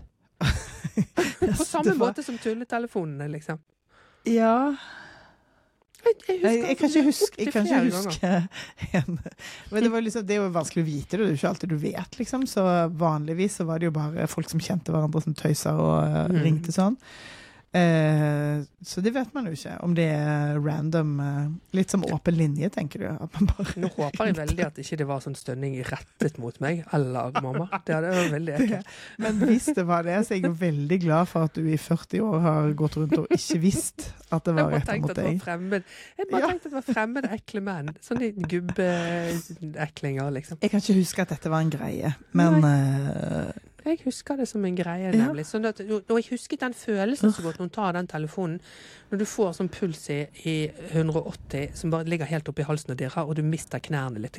For det er så det er så ubehagelig eh, og så tett på, selv om det er i den du er trygg og det er inni den telefonen og du kan bare legge på, så er det så invaderende. Eh, veldig ubehagelig følelse. det er jo en absolutt ydmykelse. Fordi Mm. at du blir, du blir jo liksom eh, Det er jo en slags blotting. Du blir jo gjort Ja, til en kikker Ja. uten å ønske det. Det er Veldig ekkelt. Det var jo mye mer blottere før. Det kan være at jeg ikke er så mye ute i mørket lenger. Men det, alt, sant? Jeg Det var jo blotting var litt mer at ja, nei, nå har de gått over til hardere dop, åpenbart. Men, eh, men det var mer blotting før, ja. Stemmer det. Mm. Men iallfall så, så eh, tar Gro bare den telefonen, legger på, kommer tilbake til middagen og later som ingenting. Ja, men hun er helt satt ut. Ja. Sånn lydbilde sklir ut. Ja. Og, altså hun klarer ikke helt å liksom fokusere på, på der eh, Arne Olav sitter og underholder de andre med hvor, hva slags ydmykelse han får, får gjennomgå som sånn statsministerfrue. Eh, må liksom eh, gå en meter bak, og må bære veske, og Mm. må fram og tilbake. Em, mens vi ligger tett på ansiktet til Gro og ser Mm. hvordan hun liksom ikke lyden, lyden sklir ut, og hun klarer ikke helt å følge med. Mm. Så det, det syns veldig godt hva slags Ja. ydmykelse det faktisk er. Det syns jeg de har skildra på en veldig Mm. bra måte. Mm. Ja, det er veldig Eh, fint. Mm. Absolutt. Eh, og så eh, når vi, den samtalen fortsetter videre rundt bordet der, så er det jo eh, Kommer det for en dag som eh, Førde sier, at Arne Olav har hjulpet Høyre med noen analyser, bl.a. blant annet av Ja. Nato, inn, inn i valgkampen. For han er jo da Ja. en NUPI-forsker, eh, da. Ja. Eh, og og det ser ut som gjengen din kommer til å over til, over til høsten. For de ligger jo så dårlig an. Det er jo ingen som tror at de kommer til å vinne det valget gjort igjen. Ja. Eh, og og, eh, før, Han forsøker jo Gro å beskytte han, liksom. Mm -hmm. uh, og si sånn nei, nei, det er bare noen små foredrag. Men, men det som blir så uheldig av det, er at det er liksom sånn sykt forminskende strategi. Ja. Uh, noen små foredrag. Så, Ja. Det er jo helt innafor liksom, i rollen hans som, som NUPI-forsker å og, eh, og stille opp på den type ting uten å Selvfølgelig så er han jo også Høyre-medlem og Høyre-aktiv, men, eh, men hele det her grepet hennes med å avvise og forsøke å beskytte hans selvstendighet, og samtidig klarer hun å liksom trykke han ned på en Mm. måte som hun sikkert ikke mener. Urgh, det er godt illustrert. Ja, og det er derfor han er så god. Det er jo derfor dette er hans episode, også fordi at han er Mm. sånn en god skuespiller. Så er det så mye følelser fanget i veldig få ansikt. Altså han, han kan legge så mye følelser i veldig manmale sånne ansiktstrekk da, og Ja. endringer. Det er mye han får sagt med, med små mimikkting. Så, sånn er imponerende fin, altså. Ja. Eh, Og her uh, og at han jo òg mm, om ambisjonene sine. Mm. For For I Førde så lokker de fram eh, Ja, liksom, sier de. Alle dere i NUPI vil ikke jobbe i UD. Så ja, det hadde vært kjempegøy. Ja. Liksom. Ja. ja. få brukt forskningen sin på en konkret arena. Men det er Ja, klart er det noen som vil ha dessert? ja. ja. Oh. Stakkar. Får veldig sånn medkjensle med han, altså. Ja, det får man.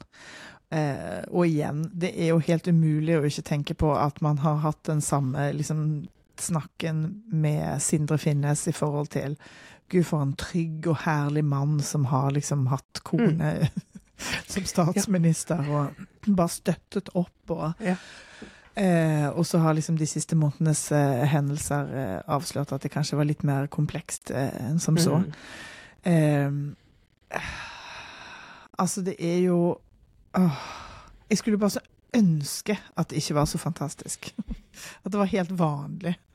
At, uh, at fordelingen mellom menn og kvinner på den, var Mm. på den måten. Og det er det jo ikke, og det er jo det som gjør det så vanskelig for dem. sant? Mm. Eh, og så urimelig for begge to. Det er jo Begge to blir fanga i hele den her At det finnes tusen historier i kulturen vår som du hele tiden er nødt til å forholde deg til og håndtere Mm. og deale med at folk tenker på. Mm.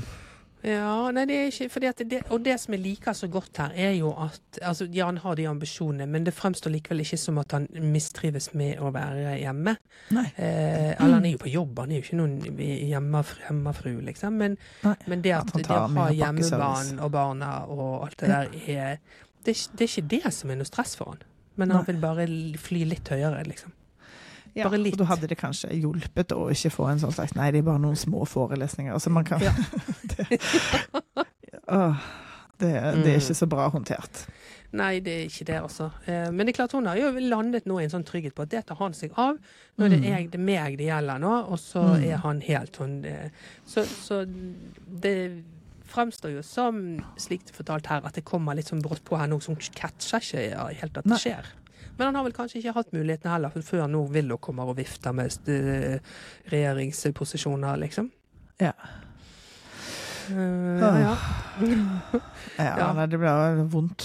Flere vonde scener her. Men det som Ja. først, i hvert fall, er når Sissel og Førde går hjem, så, så vil jo Gro snakke med henne om disse telefonene, og da er han, eh, Ja. han er litt sånn Å, deilig, deilig å bare være oss igjen. Så driver han og tuller med at han er spion, og driver og avhenretter denne rullekaken. og det Nå blir jeg jo helt sånn høyre fangirl her, men, men all denne humoren i denne episoden Unnskyld. Eh, minner meg òg om eh, Altså, på sosiale medier så er jo venstresiden helt hjelpeløs. Ja, de, de, De er så earnest. Ja. Mens denne instaen til høyre er jo genuint morsom. ja. Eh, og det er et eller annet med Jeg vet ikke hvorfor det er sånn, men det er bare liksom Høyresiden har så mye lettere for å være For å tøyse både med seg sjøl og med sakene Mm. sine og fram og tilbake enn det venstresiden har. Her har vi jo heldigvis Einar Førde som er veldig gøy. Ikke så mye på venstresidens bekostning, men, eh, men det er i hvert fall litt jevna ut. Hvis ikke hadde det jo vært veldig, en Ja. veldig trist setting.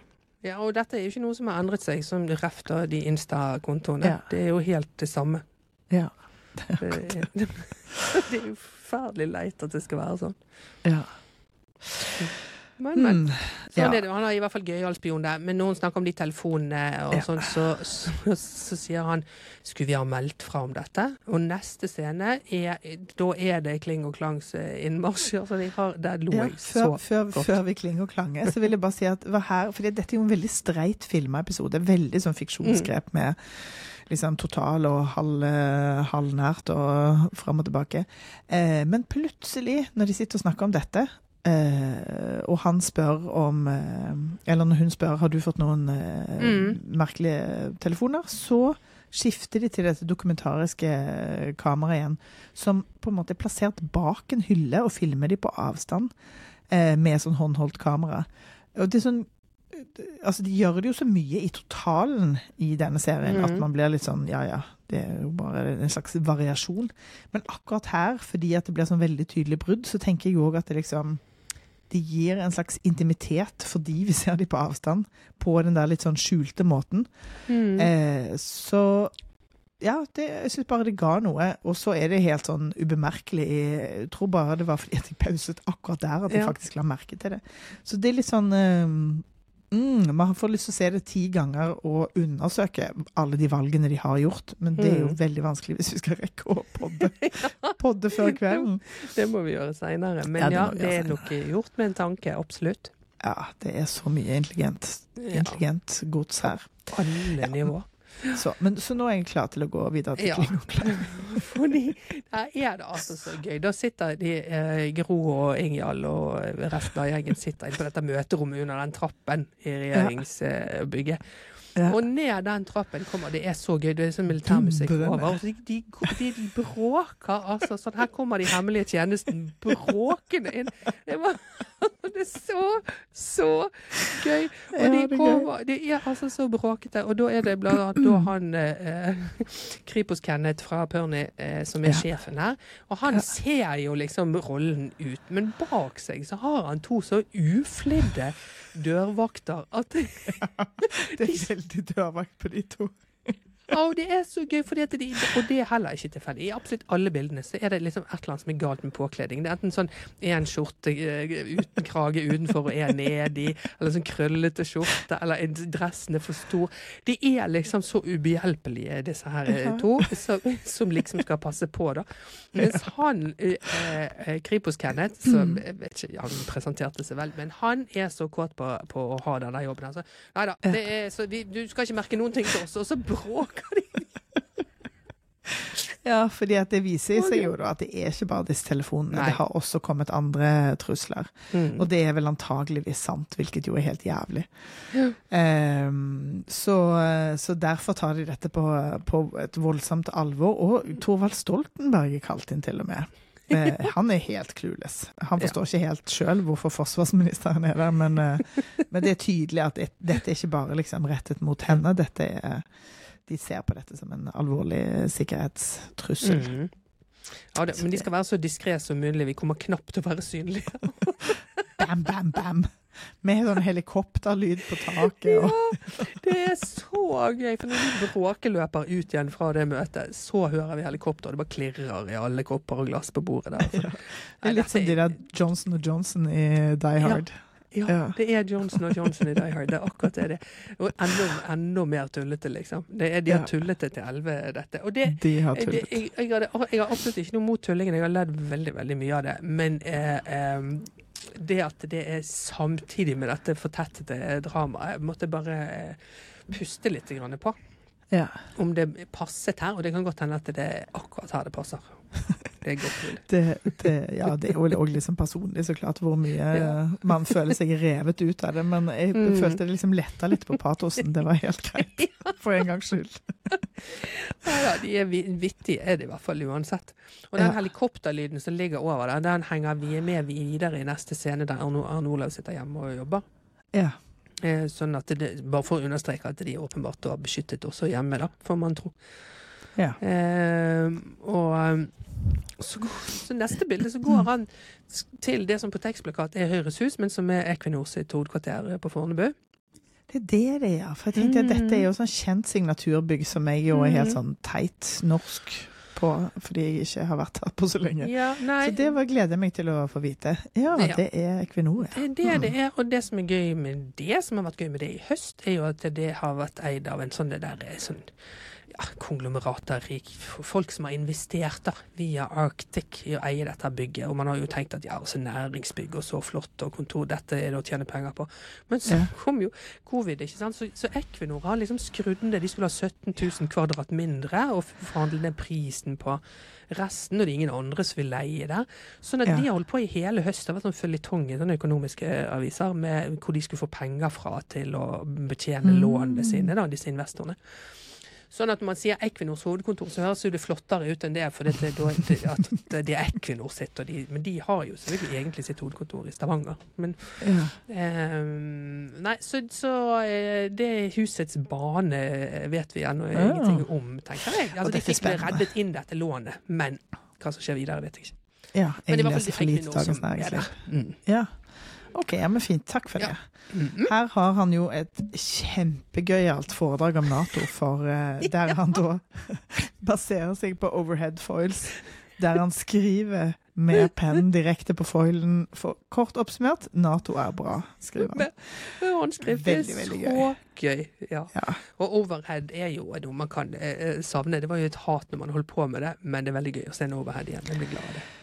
Ja, altså, det er jo veldig tilgjengelig teknologi, så Mm. det er jo veldig fint. liksom. Man trenger jo veldig lite utstyr. Og likevel bare- så gikk det jo gærent der òg, liksom. oh, det var altså sånn som lærere klønte med, med den Mm. teknologien. Eh, men veldig gøy for oss som er så gamle at vi husker, husker overheaden, så er det fint at de har med den. Men her er jo Willoch eh, på å grafse med en gang og vil, vil drikke en kaffe og, og flørte litt med muligheten Mm. for jobb, og skal ikke du innom Stortinget først? Eh, Tenker på en jobb til deg i regjeringsapparatet. For alle har jo forskuttert den valgseieren her, Ja, ja. så de planlegger jo er posisjoner inne allerede. Mm. Ja. Eh, og som Gro skal påpeke seinere, så er det jo så klart gjør han dette for å destabilisere. Samtidig som Mm. at det er åpenbart at denne mannen er, liksom, har en kompetanse som kan brukes til noe. Så det er vanskelig å vite hva som er hva, men uh, Willoch er i hvert fall Han er jo glatt som bare det. Han sier sånn i fire stykker, du. Jeg òg har fire barn, liksom. Og så bare sier han 'morsom i den alderen', uten å spørre Ja, uten- hvor gammel du er. Fordi det er jo sånn man sier, uansett hvor Ja. gamle ungen er, så Ja, sier man det. Um, men det, det syns jeg var veldig, veldig gøy. Ja, det jeg, syns jeg var veldig vittig. Og veldig, det, er veldig sånn, det er jo sånn sleskhetsting, ikke sant? Det Ja, sånn ja. la- Late som man bryr seg om det Ja. med hjemmebane, for hjemmebane Han betyr later ikke ingenting. veldig sant? mye. Ja, Nei, Men akkurat så mye du vanligvis gjør med som kvinne. Sånn, å, ja, du har, ja, du har fire barn, liksom. Ja. Ja. Um, så Arne Olav får liksom den Så det er jo òg en litt sånn dukking av han med sånn ja, du, du som er hjemme Det blir ikke noe problem med dette da på hjemmebane når han Mm. driver og dingler stortingsjobber og regjeringen foran han. Uh, nei uh, mm, Kan jeg bare ta en liten avstikker her for Ja. å si at jeg elsker hvordan de håndterer ungene i denne episoden. Ja. Ehm, og jeg elsker det på flere nivåer. Jeg elsker at de ikke har med ungene, fordi at da hadde det vært liksom et, et helt annet fokus. Eh, sånn at de får lov til å være en familie uten at ungene får ta så stor plass. mm. Og så, i tillegg til det, så er jo fraværet av ungene er jo et tema i seg sjøl. At det er Mhm. så At fokuset deres er så mye på hverandre. Eh, at det liksom er vanskelig å, å ikke tenke på sånn Gud, hvor er ungene oppi alt det her? Og det Mhm. er et tema som ikke adresseres, men som på en eller annen måte får spille litt sitt eget. Gro adresserer det jo så klart når hun er bekymra på deres vegne i flere, ved flere anledninger, men vi får jo aldri De eksisterer jo bare som stemme ved et par anledninger. At det liksom det er et behov som er utenfor, utenfor bildet, som er med. Ehm, og derfor så- altså Det er òg vanskelig å ikke tenke på de fryktelige tingene som skjer seinere i, i historien, Mm. og, og som Gro har, har snakket masse om sjøl. Eh, og så blir jeg òg litt sånn åh, Så fanges man igjen i den der at ikke bare er det foreldrenes feil, men også kvinners feil, så klart, når man er yrkesaktive. Med, med sønnens død der. Mm. Så, så det var en sånn cocktail av ting som dukket opp for meg ved at ungene ikke er med, eh, og at det ikke blir behandla, som jeg syns var Ja, de gjør det fint. De gjør det fint. Jeg tenkte mer på, på det hvor deilig det var, for det var sånn det var eh, når vi vokste opp. Det var jo ikke så mange som brydde seg om hvor man var, eller hva man drev med. For i den neste scenen her så kommer jo opp at Ja. Fordi at eh, eh, Liksom hvor er barn, da? Eh, Ja. Sier vel eh, Gro sa nei, guttene er på Leikaring, og, og Kaja er vel på hos en venninne, eller noe sånt. At Ja. man, denne der konstantkontrollen man hadde på har nå på barn, Ja. hadde man jo ikke den gangen heller. Så det at, det, det at de er litt ute og for, Fordi det, i uh, sluttscenen så var jeg jo litt sånn «Hæ, Skal begge to? Hvor er ungene, da? Men de er jo fra 14 opp. til klart de kan være hjemme alene. Ja, absolutt. Eh, så det er liksom det jeg tenker at det er både ganske realistisk i forhold til sånn som det var med unger på det tidspunktet, Ja. og så tenker jeg òg at det er et veldig bevisst valg. Ja. Som jeg syns funker veldig fint. Um, Slipper man jo holde på med barneskuespill. Sånt, og det er jo et mas. Ja, det, og pluss at det er fire unger hadde jo òg fylt veldig mye, så skal man gi de uh, hver sin Ja, lille nei, det, er, det er veldig veldig godt valgt at de ikke er der. Det syns jeg. Det synes Men skjønner skjønner du hva jeg mener? At liksom fraværet er også en historie. Mm, det er det. Eh, så det er absolutt det, det er ikke bare et sånt enkelt Det er jo mange ting i denne serien sant, som er sånn Dette gjør det enklere, men det gjør det også bedre. Ja. Sant? Ja. At de bare har tenkt smart rundt veldig mange ting. Ja. Mm. ja, det var bare det. Nei, da, og det Um, som jeg, da, da, fordi den scenen der, da, når de to er hjemme alene fordi at gutta er på leikering, altså, da, det mm. lo jeg òg veldig For dette er jo en sånn Oslo Vest-ting, det å drive med sånn leikering. Som er sånn påtatt har på Ja, ja, ja. Ja, ja, sånn stemmer påtatt uh, vestkantbygd. Ja, det er sånn kulturelite. Ja. Ja, det samme som til de som har telemarksbunad. Alle de. For Ja, det er så jævla dyr, sant. Ja, ja. Eh, så fniste jeg litt av det snobberiet med den leikeringen. Um, De har jo særlig tre gutter på lekering. Ja. Jeg har ikke, ikke det at jeg noe imot leikering, altså, det, skal, det skal absolutt sies, men, men det er en spesifikk Nei, nei. eh, sjanger med folk som driver med Mhm. leikering. Ja, I hvert fall i Oslo. Skjønner hva du mener.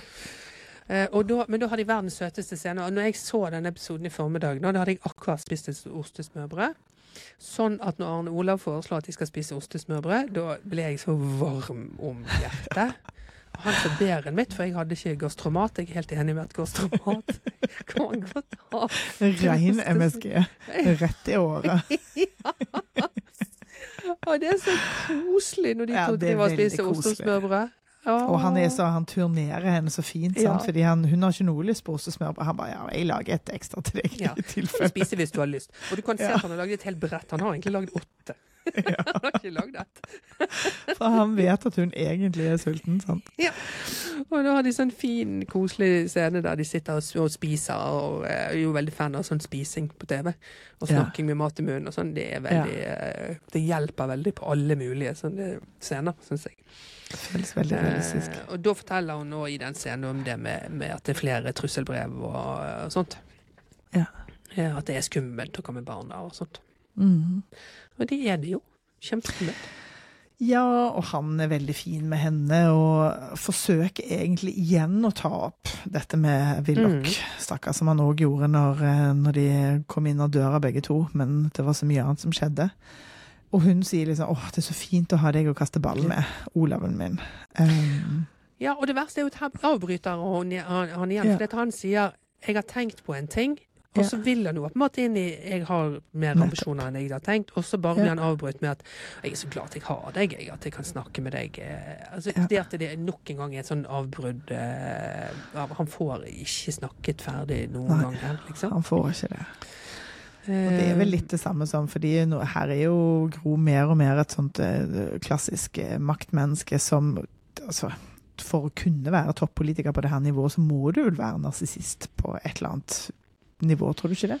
Altså så mye Egoist, iallfall? Ja, så mye som kropp, kroppen Nei, unnskyld. Så mye som jobben eh, krever deg, så må Mm. du fokusere så mye på dine egne behov eh, Ja. at det liksom ikke er helt plass til noen andre. Hverken, Nei, eh, det skjønner jeg kjempegodt. eh, Ja. det. Det er klart du skal, altså Når du er så intenst på jobb hele tiden og skal gjøre alt riktig, og du har hele landets eh, velferd på dine skuldre Det er klart du har ikke mye plass til eh, treningsbager og ting da. Nei, og her er det mye jobb òg, fordi hun, eh, hun går jo fra denne ostesmørbrødsamtalen og eh, sier at jeg er nødt til å sjekke tallene, fordi han vil og han er så opptatt av tall. Så setter hun seg og sier jeg kommer, kommer til å forsøke å bli ferdig til Kveldsnytt. Eh, mm. Setter og cruncher, cruncher masse tall. Eh, og så en sånn trist scene der Arne Olav sitter klar til Kveldsnytt, eh, jinglen med to glass vin, eh, og hun sitter ennå og jobber. Ja, og så sovner han i stolen, og hun sovner Ja. over papirene sine. Nettopp. Så det er jo liksom Det er jo det er et hektisk liv. Det er Ja, og det er jo liksom, de, de to fjerner jo seg mer og mer fra hverandre her, også i, i bare i løpet av denne episoden. ikke sant? For de har jo alltid vært veldig tøyte, de to, og veldig sånn forelska og veldig nære hverandre. Ja, Men nå er det liksom eh, en sånn avstand som bygger og bygger Ja. og bygger her. det er det. Og Mhm. neste scene, da sitter Gro på, på do eh, og tisser, og da ser vi en sånn voldsom, eh, voldsom eh, Veldig nærbilde av henne, og hun er supertrøtt. Hun har sikkert ligget her på kjøkkenbordet og sovet hele natten. Det er ikke, det er ikke en ideell natt, for å si det sånn. Og eh, det er noen unger utenfor som maser om det. Er du ferdig? Og nå har de kommet, og de står og venter. Og da er jo da Secret Service tilbake. Så er det militærtrommer på lydsporet. Um, og, og det er så fint gjort. De liksom bare smooth. Det er så veldig lite sånn mellomspill her. Eh, de går rett til garasjen der eh, Hva var det du kalte den? Kripos, Kenneth? Kripos, Kenneth, ja. Men Ja. ja. det er før de kommer til garasjen eh, der, så så, så det, det, det er en eh, ser i en heis der, om de drar den ned i garasjen, da sikkert. Der Ja. Gro er bitte liten og i midten, og så er de drithøye, de sikkerhetsfolkene, som jeg tror er Ja. sånn spoof på den Jodie Foster-scenen fra eh, eh, Silence Ja. of the Lambs. Ja, ja. Den er, helt, den er ganske parallel. lik på den, eh, bortsett fra at det er kling og klang bak der, og ikke så- sånne jokes. Men, men den var så lik. Da det bare kom eh, ja. Eh, Men den er også fin. Liksom, der En hun er blitt helt hommage. Ja, Ja. jeg tror det var en liten hommage. Ja, ja. for er det For det, det er jo mye sånn politikkspørsmål i denne episoden her som går litt sånn over hodet, fordi at det er litt sånn i, i periodens eh, liv, liksom. Men Ja. Ingjald kommer med oppdaterte tall fra Industriforbundet, som jo Mhm. viser seg å bli helt katastrofalt på debatten hun skal på. Ja. Ja. Og de er bak skjema og sånn, fordi at eh, her viser det seg at det har vært en bombetrussel på Eidsvoll. Sier Ja. Kripos Kenneth. Eh, og, og, at, og det står masse om biler og vakter og ting, og de skal, det er der den debatten skal være på NRK. Ja. Så nå Eh, får, de, nå får hun pansra bil og egen sjåfør. og de er allerede eh, seint ute. Eh, ja. ja. Og nå, nå blir det så gøy, for de kommer seg inn i den bilen, og de står jo i kø allerede i Oslo. sant? Du ser jo liksom Oslo-bilder der det bare er helt eh, stopp, fordi det er en, en sånn lastebilstreik. Eh, Mm. Og så i bilen så er jo da Gro, disse sikkerhetsvaktene, og, og Viktor og han sjåføren. Og så følger jo da Kripos Kenneth og en til bevæpna i en bil bak, har vi fått vite. Og på sambandet så sier altså Kripos Kenneth Ghost Recon, Tom Clancy, Delta Bravo. Det er veldig morsomt. Første gang jeg så han, så liksom la jeg ikke engang merke til hva han sa, fordi det bare det, det, Sånne samtaler skjer jo bare. Men det er jo bare rein Rein hittepå. Det er veldig morsomt. Ja, det er bare Herregud. sånn bare eh, gøy, gøy, gøy å si, å gjøre sånn narr av sånn eh, Security Ja, Service-ting på en veldig, veldig gøyal måte. Det settes pris på, altså. Og så Ja, er det, har de lange diskusjoner om hvordan i helsike skal vi komme oss til Eidsvoll i tide. Det er jo, Mm. det står biler overalt. Det står biler helt til Eidsvoll. Vi kan ikke sette på blålyset fordi at det kommer til å se dårlig ut. Men jo, det må vi bare. Mm. ender det med at de sier. Og da må altså stakkars Viktor holde den der lille legoklossen med blålys. Han må holde den ut av vinduet hele veien til Eidsvoll. Der de da ankommer med sirener og blålys og blir tatt masse bilder av. Dette er sikkert fra virkeligheten, men det rakk jeg ikke å Altså, det- google opp. Som jeg, le- jeg klarte ikke å finne tilbake til det, fordi at jeg glemmer jo hva jeg har lest. Det er jo helt meningsløst å lese noe som helst. Men eh, at det var en eller annen skandale på et eller annet tidspunkt der Gro hadde brukt, om det da var blålys eller kollektivfeltet. Ja. Det var i hvert fall noe der som ble sett som en sånn Oi, du tror det er bedre oss, du. Eh, Ja. ja. jeg er statsminister, liksom. Kom igjen. Jeg har, eh, mitt liv er travlere enn ditt. Uten at hun sa ikke det, men dette kan jeg si. Det sa hun nok ikke. altså. veldig sånn urettferdig sutring over Og jeg tar seg til rette på den måten, liksom. Det Det er jo en veldig norsk diskusjon, veldig tenker norsk jeg. diskusjon, For akkurat dette er jo en live debatt. Dette står jo ikke om liv akkurat, men det er jo en live debatt som er en av liksom pilarene i demokratiet. Så det, det er mulig å argumentere for at dette er ganske viktig. Ja. Um, Det er det. Så, Så, så, ja. det var en, en, en eh, skandale på et tidspunkt, Mm. det der. Som de, Ja. og, og, og lurer på om det var litt sånn sommeraktig òg, så det ble holdt for, i live altfor lenge i pressen. ja, ja. At det er litt sånn agurkeaktig. Men jeg må finne tilbake til hvor jeg leste det. Men eh, ja, basert på ekte hendelser, dette. Mm. Ja. Ha, ja, det er jo litt interessant, fordi eh, snart skal vi òg liksom eh, få vite at dette med at hun hadde livvakter, var en- òg liksom en skandale. Det må jo ha vært litt i samme leie, da, at det var bruk av offentlige penger og sånne ting. Ja, Eller vet du noe om det? Nei, får vi Var det en Nei, men denne VG-fotografen som tar bilder av de der bodyguardene med pistoler og fram og tilbake, det må jo handle om det. Det er vel det med at våpen i Norge er jo så sjokkerende, eh, Ja. tenker jeg mer da. At det liksom eh, Men om det, hvorfor det skulle være negativt for henne, annet enn at bevæpning i seg sjøl jeg, vet- jeg vet ikke helt hvorfor det skulle være så sjokkerende, egentlig. Nei, det må jo være én bruk av penger, eller litt sånn eh, ta seg til rette overklasseaktig Mm. på den måten òg. Ja, det- hvem er det du tror det er Men det er jo så dårlig tenkt av VG. så Man kan jo tenke seg sjøl kvinnelig eh, statsminister, eh, ganske upopulær i Ja, store nå kretser. kan vi jo det. Ja. Trusler, liksom. Altså at man ikke Ja. kunne respektere det mer enn at man må liksom selge unna intervjuer uh, i all evig tid for å få Pimpe vært i fred for de bildene. Pimpe seg ut. Ja. Herregud, man skulle tro i hvert fall at VG tenkte hva er det egentlig som er saken her, og konkluderte på en annen måte. Ja, Men ja. I hvert fall. Hun ankommer dette debattstudioet og eh, blir da hilset av en helt rolig Willoch, som har stått der og sjarmert folk kjempelenge. Eh, kaller henne fru Brundtland og, eh, før, og bare liksom lobber den til henne at han har snakket med Arne Olav, som vil inn på Stortinget, som jo da setter henne helt ut. Ja, sånn rett før rødlyset går på, så er det jo sånn at, jeg, Ja. jeg, ja, når jeg snakket med han, så virket han interessert. Nettopp. Vanskelig å ha et liksom. ryddig hode etter det. Så dårlig. Og veldig gøy at Ole Torp er her og er seg sjøl. Det Ja. syns jeg var veldig gøy. Det var veldig, veldig friskt og funker fint. Ja, ja, ja. For han er jo god. Det er jo helt naturlig å høre hans stemme stille sånne spørsmål. Ja. Nå er det vel statsminister, sånne ting som man sier i sånn debatt. Det er jo sånn en åh, Det er jo sånn en kjedelig formdebatt. Jeg syns det er så kjedelig. Ja, det er ikke så gøy. Det er ikke det. Jeg vet ikke hvordan man ellers skulle gjort det. Og jeg ser jo på som det høflige, samfunnsveloppdragne mennesket jeg er. Men det kjeder meg altså sånn. Ja, det er på en måte interessant at i våre dager så er det i hvert fall mer en sånn partilederdebatt som er, men på det tidspunktet det var jo veldig mye Gro Kåre. Det husker man jo. Det var jo Mm. liksom mer personifisert enn det de er nå, på, Mm. på sett og vis. Men det er kanskje mer komplekst òg, når midtpartiene driver og hopper litt fram og tilbake. Så blir, Ja. det, så blir blokkene For blokkene og partiene større, større betydning enn bare ja, de to det. største partiene.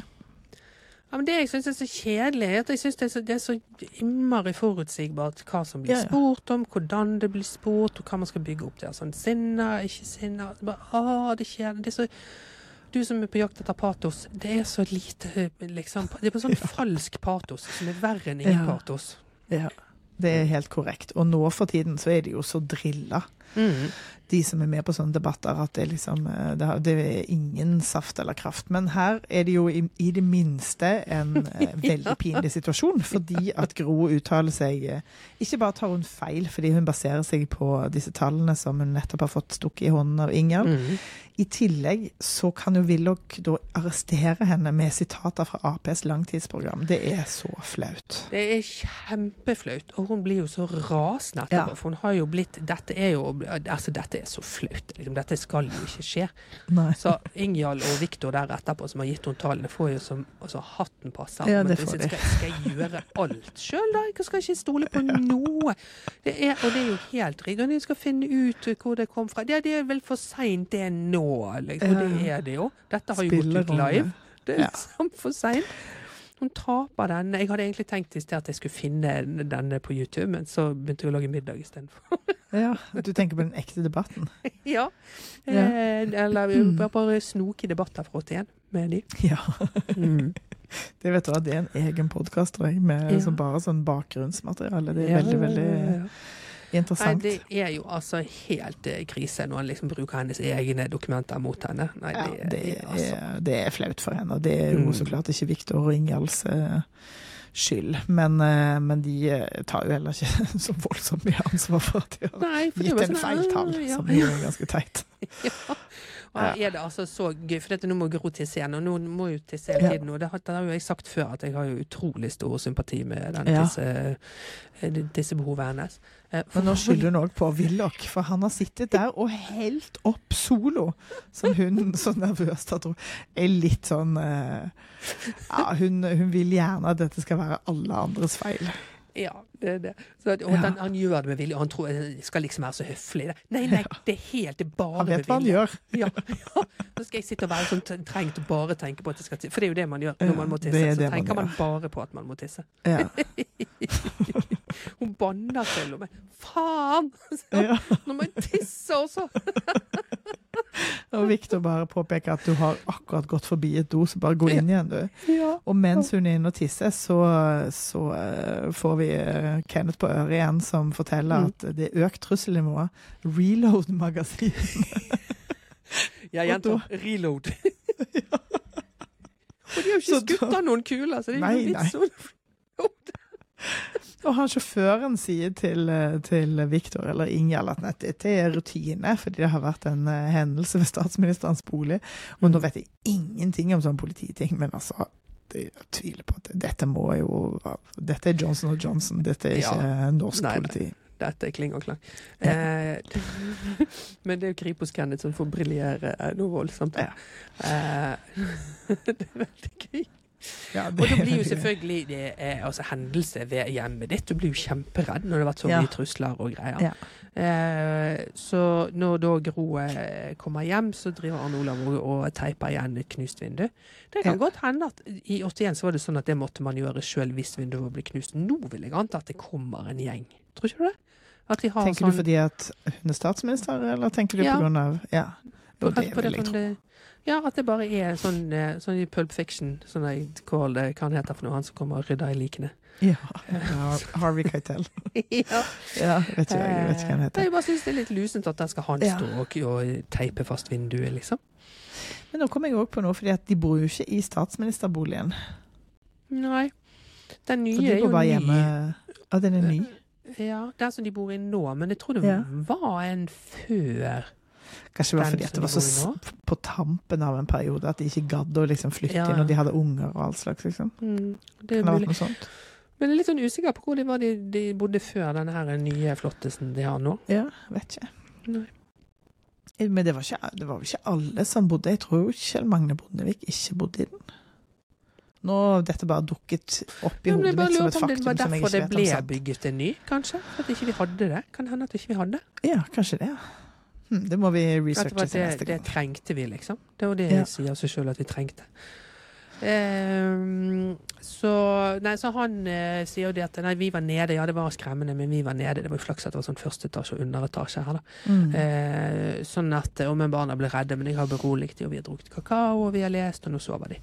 Eh, som er litt rart når de er fra 14 og opp, det må man jo si. at Det, det har vært sånn lesing og sånt, men det er kanskje ikke sånn viktig i den historien at det, det er tenåringer, dette.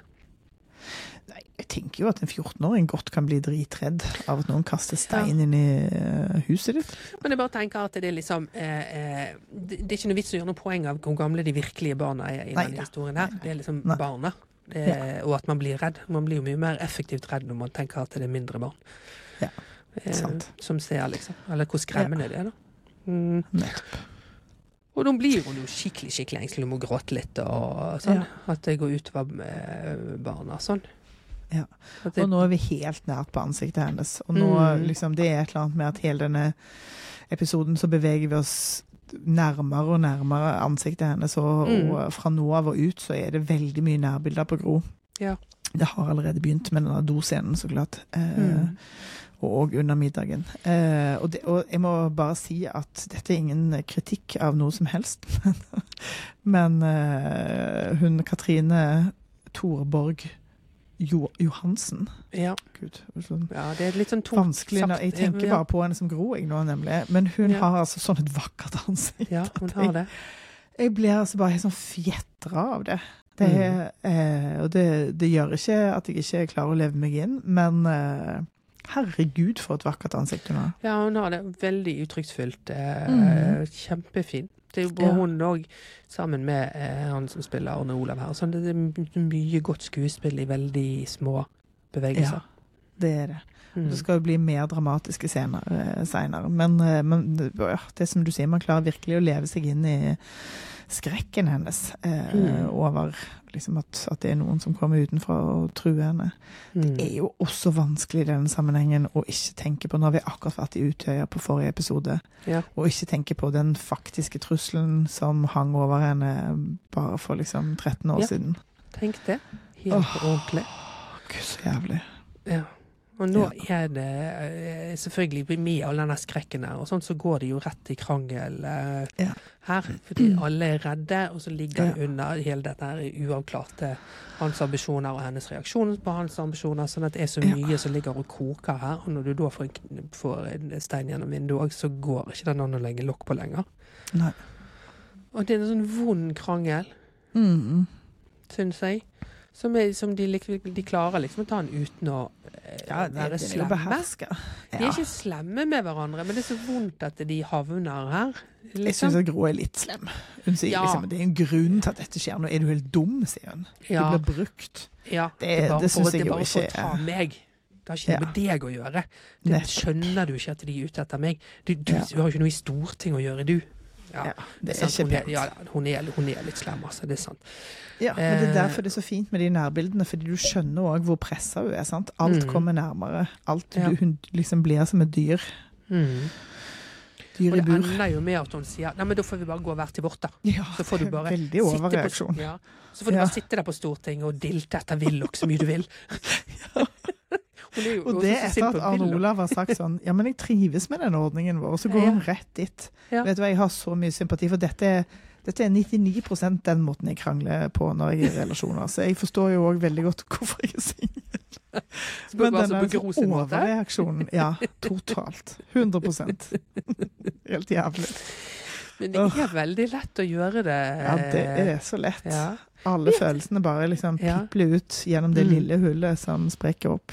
Og så syns jeg ofte at eh, eh, mens de begynner å piple, så tenker jeg nå skal jeg ikke gå dit, jeg skal ikke si det, ikke si det, ikke si det, og så bare boff, så er det akkurat det. som kommer. Akkurat det. Ingen kontroll. Ai, Gud.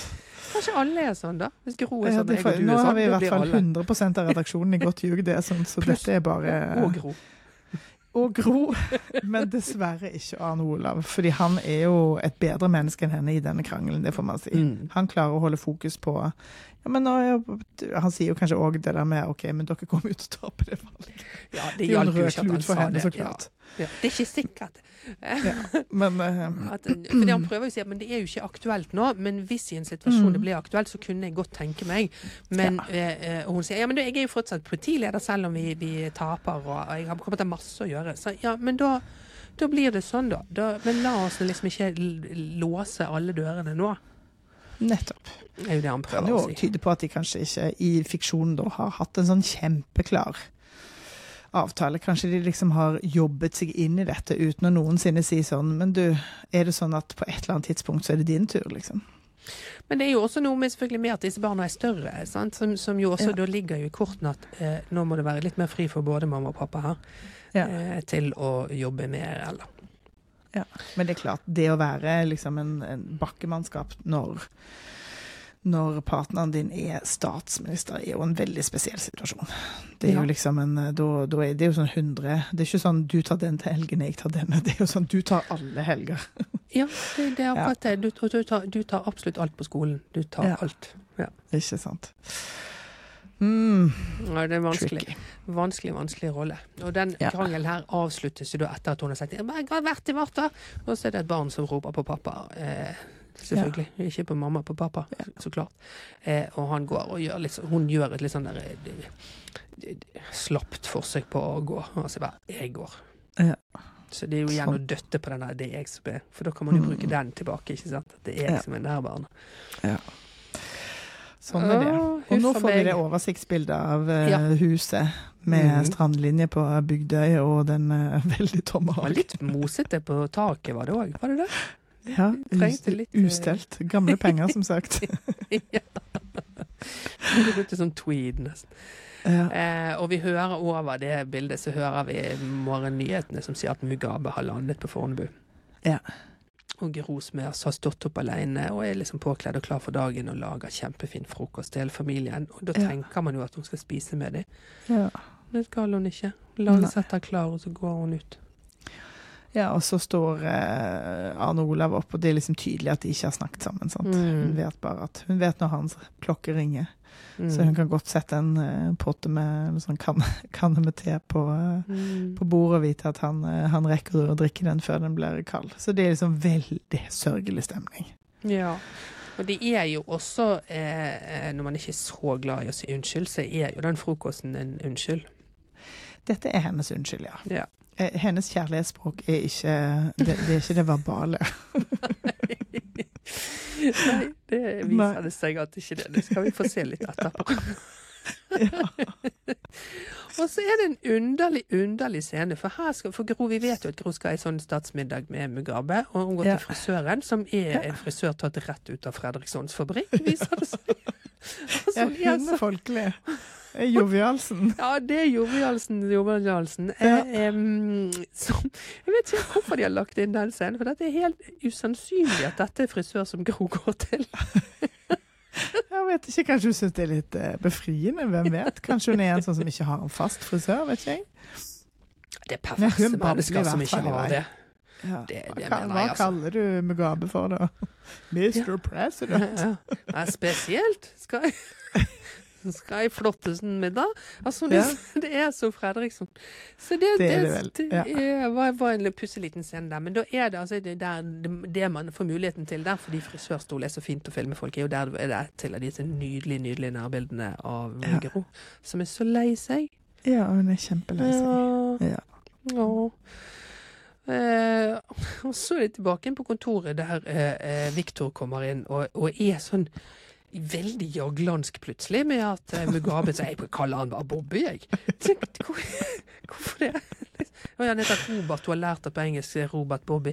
Eh, nei, ikke Jeg tror ikke du at liksom Altså, Viktor forsøker å ha et kollegialt forhold til Gro.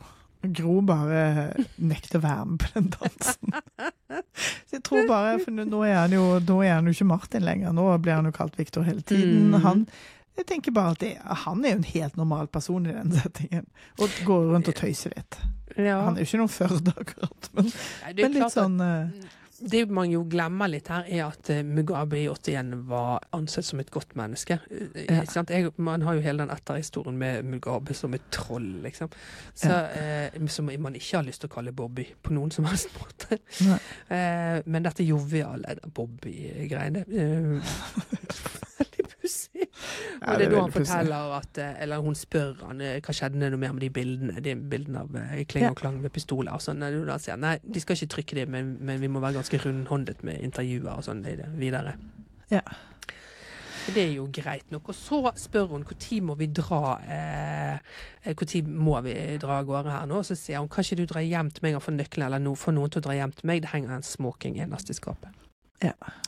Og nå, jeg elsker hvordan de løser dette, fordi vi skjønner jo at OK, hun har, nå må hun reparere. Nå må Mm. hun, eh, nå må hun Eller nå vil hun invitere med Arne Olav på den statsmiddagen allikevel. Jeg elsker at hun ikke ringer han, og at de har noe sånne verbal ding-dong om det. Eh, særlig siden, siden kjærlighetsspråket hennes er, er omsorg eller gaver, eller hva det nå oversettes som. Um, så så syns jeg det er så fint. Hun, liksom, hun sørger mm. for at ting skjer. Hun ringer ikke og driver og maser. Men noen må jo ha ringt ham, fordi han skjønner jo, han skjønner jo at 'å, nå får jeg være med'. Ja, han sier det etterpå at Victor ringte, og da sa han at du kaller han for Bobby. Så, Ja, ja, så ja, Victor driver og tuller med alle. Victor har ringt, så klart. Og ja. bedt eh, Arne Olav kom- komme på kontoret. Ja, ja, det er klart Victor fikk jo null respons på den spøken med Gro, så han må jo bare fortsette. Gå videre. For han syns det er en kjempegod. Det som er så gøy i den scenen der òg, for vi ser Arne Olav komme ut av den heisen, og så står og ser seg litt sånn rundt, og så kommer Ja. sekretæren til Gro ut og sier 'Arne Olav, det er inn her'. At det var åpenbart det første gang han er på kontoret der. Ja. Ja, jeg syns det var en sånn fin liten detalj å Ja, det smette er inn der. veldig, veldig fint at de har tenkt på Mm. at uh, sånn var det. Ja, så kommer han inn på kontoret, og Gro har altså pyntet seg så nydelig. Hun er Åh, så Den der fin. lille røde boleroen hennes, kjempefin. Den er så Ja. kjempefin, den boleroen. Applaus, applaus til eh, Og det skjørtet, for et sånn langt skjørt Altså delt eh, topp og skjørt, langt skjørt er ofte litt vanskelig, Ja, Ja, det er litt sånn kort uh, kropp. ja. Men, men She pulls it off, for å si det Å, sånn. hun er Ja. så fin der, altså. Ja. Eh, Veldig, veldig bra. Og han kommer inn, og her og så, og nok et sånt forsøk på eh, unnskyldning. Sammen med den frokosten. Jeg har strøket skjorten din. Ja. Eh, og jeg tok smokingen. Du er fin i den. Ja. Eh, som eh, hun tenker vel er nok Eller hun håper det er nok unnskyldning. Det er det åpenbart ikke. Så her må hun til pers med ord, og det er altså så vittig. ja, for han sier sånn «Eh, Forsøker du å unnskylde, Ja. Ja. Ja. Det ble sagt noen ord i går, blant annet av meg, sier hun. Det ble ytret noen meninger i går, sier hun. Blant annet. av meg. Som ikke nødvendigvis var av den betydning. Så så må man bare Hva er det slags setning? Men dette er jo det, det der måten hun bruker språk på, ikke sant, som er sånn eh, Alt skal dekkes inn. Det er så vanskelig å si det direkte. sånn at da, Mm. da er det alle disse ekstraordene og alt det man har lært denne min skutte bisetninger. Det, det gjelder også da i si unnskyld til mannen sin Ja, og sammenheng. dette kan jo være at du får lære når du leser disse bøkene hans, Mm. at det var sånn hun var på, på hjemmebane Mm. Men i denne serien så er jo ikke poenget at Gro er nødvendigvis i virkeligheten dårlig til å unnskylde eller snakke sånn hjemme. Poenget her er jo at det blir enda en måte å vise at du kan ikke bare gå hjem klokken fire og være en annen. Sant? Du tar Mm. med deg Statsministeren er med Mm. hele tiden. Det er nissen på lasset. Eh, det syns jeg er kjempefint, pluss at det er dødsgøy. Ja, det er veldig, veldig gøy. Og så er det jo en Guds gave at hun eh, har en mann som bare kan bare skjære gjennom og si 'jeg elsker deg'. Altså Og klemme henne. Å, herregud. Og gåsehud. Ja. Og altså, gråtefjeset til Gro her er jo òg helt fantastisk. Man vil jo bare klemme henne. Men den klemmen er altså så god og så inderlig. ja. Og det er så fin egenskap, som du sier, at han bare han ser intensjonen bak den klønete setningen. Ja, for det er jo lett å velge seg å bli sint, da, Eh, men han ja. kjenner jo sin kvinne. Det er ikke noe vits i. Du kommer ikke noen vei med det. det er hun, hun trenger en klem. Hun Ja. trenger en klem. Ja, da lar vi den ligge, da, sier Ja. hun. Ja, da lar vi den ja, ligge. Skal jeg gå og skifte, jeg, da? sier han. Og så er han jo så kjekk i smoking at det, jeg tenker at han tenker jeg, lar det, jeg rett og slett bare lar dette ligge. Jeg er såpass kjekk i smoking at eh, jeg, jeg vil heller gå i statsmiddag. Ja, for det har han jo virkelig lyst til. Så Ja. altså, det er jo en større premie for han å bare bli ferdig med dette. Men så tilbyr hun jo mer kjærlighet, for hun sier det var ikke jeg som strøk skjorten, det var Viktor. Ja. Så, og så er det sånn fin, for det at hun Og han har sikkert ikke trodd at hun strøk skjorte litt engang, men det at hun faktisk sier det, er også veldig, veldig fint. ja. Og så er sier hun òg at ja, han lukter litt Han lukter så tøymykner. ja, det er Arne Olav som sier det. Det er Arne Olav som sier Ja, det. for han sier ja, men han er sikkert god å stryke, han. Han lukter alltid tøymyk. Ja. Og det er ikke noe kritikk eller noe kjipt, det liksom Men eh, Og så tenkte jeg litt på fordi at den lukter sånn tøymykner. Fordi tøymykner er jo ikke noe vi alltid har hatt. Og det var jo òg ikke noe, absolutt ikke alle som brukte Jeg Ikke kommer ikke fra et uh, tøymykner hjemme i det hele tatt. Eh, så, så kanskje ikke Grå heller, de heller ikke brukte tøymykner, da. Så det var helt sånn ny lukt av Viktor. Det satt jeg og gøyet meg med å tenke på. Det kan godt være. Mm. Ja.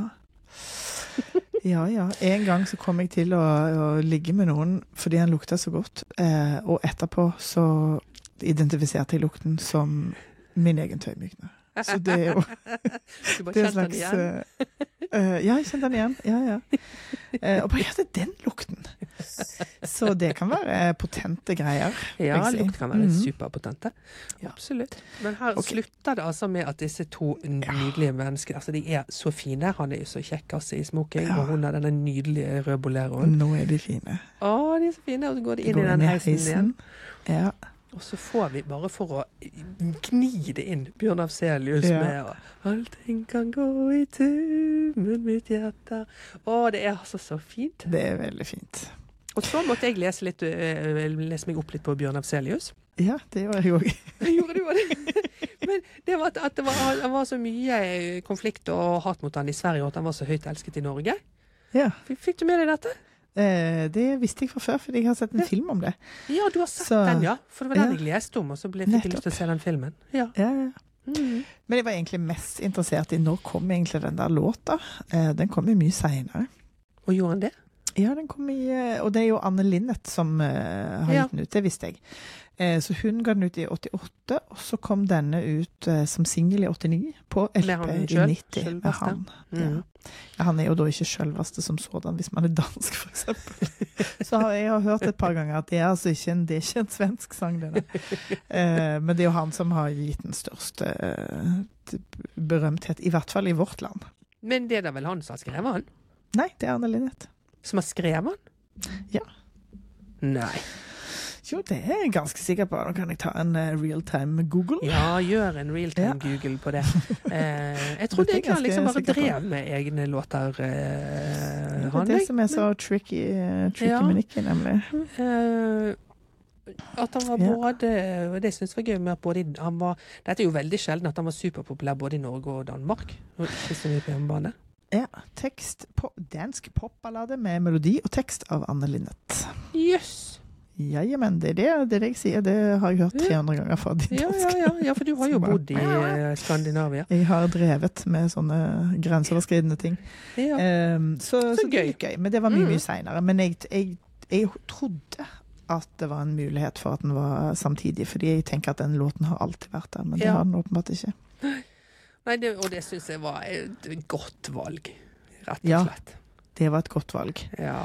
Definitivt. Eh, og det siste vi ser av Gro og eh, Arne Olav, er at Gro sier 'husk å gå en meter bak', da. Og han liksom tar et steg bak i heisen. Men det får man Jeg, jeg tolker den uh, lille eh, dialogen som at, at de, de kan spøke om ja. liksom, ubalansen i det forholdet. eh, Og så, så liksom, hva skal man si, forholdet er gjenoppretta. Mm. Harmonien er gjenoppretta. Ja. Mm. Ja, det var, var en hel ekteskapskrise på For det er jo en ganske kort episode. Dette var 42 minutter eller noe sånt. Ja. Eh, nei, det var fint, altså. Ja, jeg vil jo tro at dette er deres måte å koke en buljong, eller lage en buljongterning av de bøkene hans og, og Mhm. all den alle de mange tankene han må ha hatt, eh, og kamelene han må ha svelget underveis, uten at han nødvendigvis har vært liksom et misfornøyd eh, menneske underveis. Ja, så Så er vel han litt sånn eh, eh, ehm, eh, Ikke helt sånn guarded, så vidt jeg vet, i disse bøkene. At han er liksom plump uti fyr. Sånn at eh, jeg tror man kan få mer der enn man tror med å lese de bøkene. Nå vil jeg at du skal lese de bøkene. Ja, ja, jeg skal det. Jeg skal bare bli ferdig med disse svenske dødsforholdene Ja. som jeg holder på. Men det, vi, skal jo, vi skal- jo fortsette å podde. Det er to episoder igjen av makta, og så mm. kommer jo da om to uker så begynner jo den her bakemesterskapet. Og nå må Ja. jeg si at nå er jeg litt nervøs for det òg. Ja. Fordi at jeg har sett den traileren, og det ser jo ut som det er mye kake. Og hun eh, Ulrikke Brandstorp, hun er jo en eh, god programleder.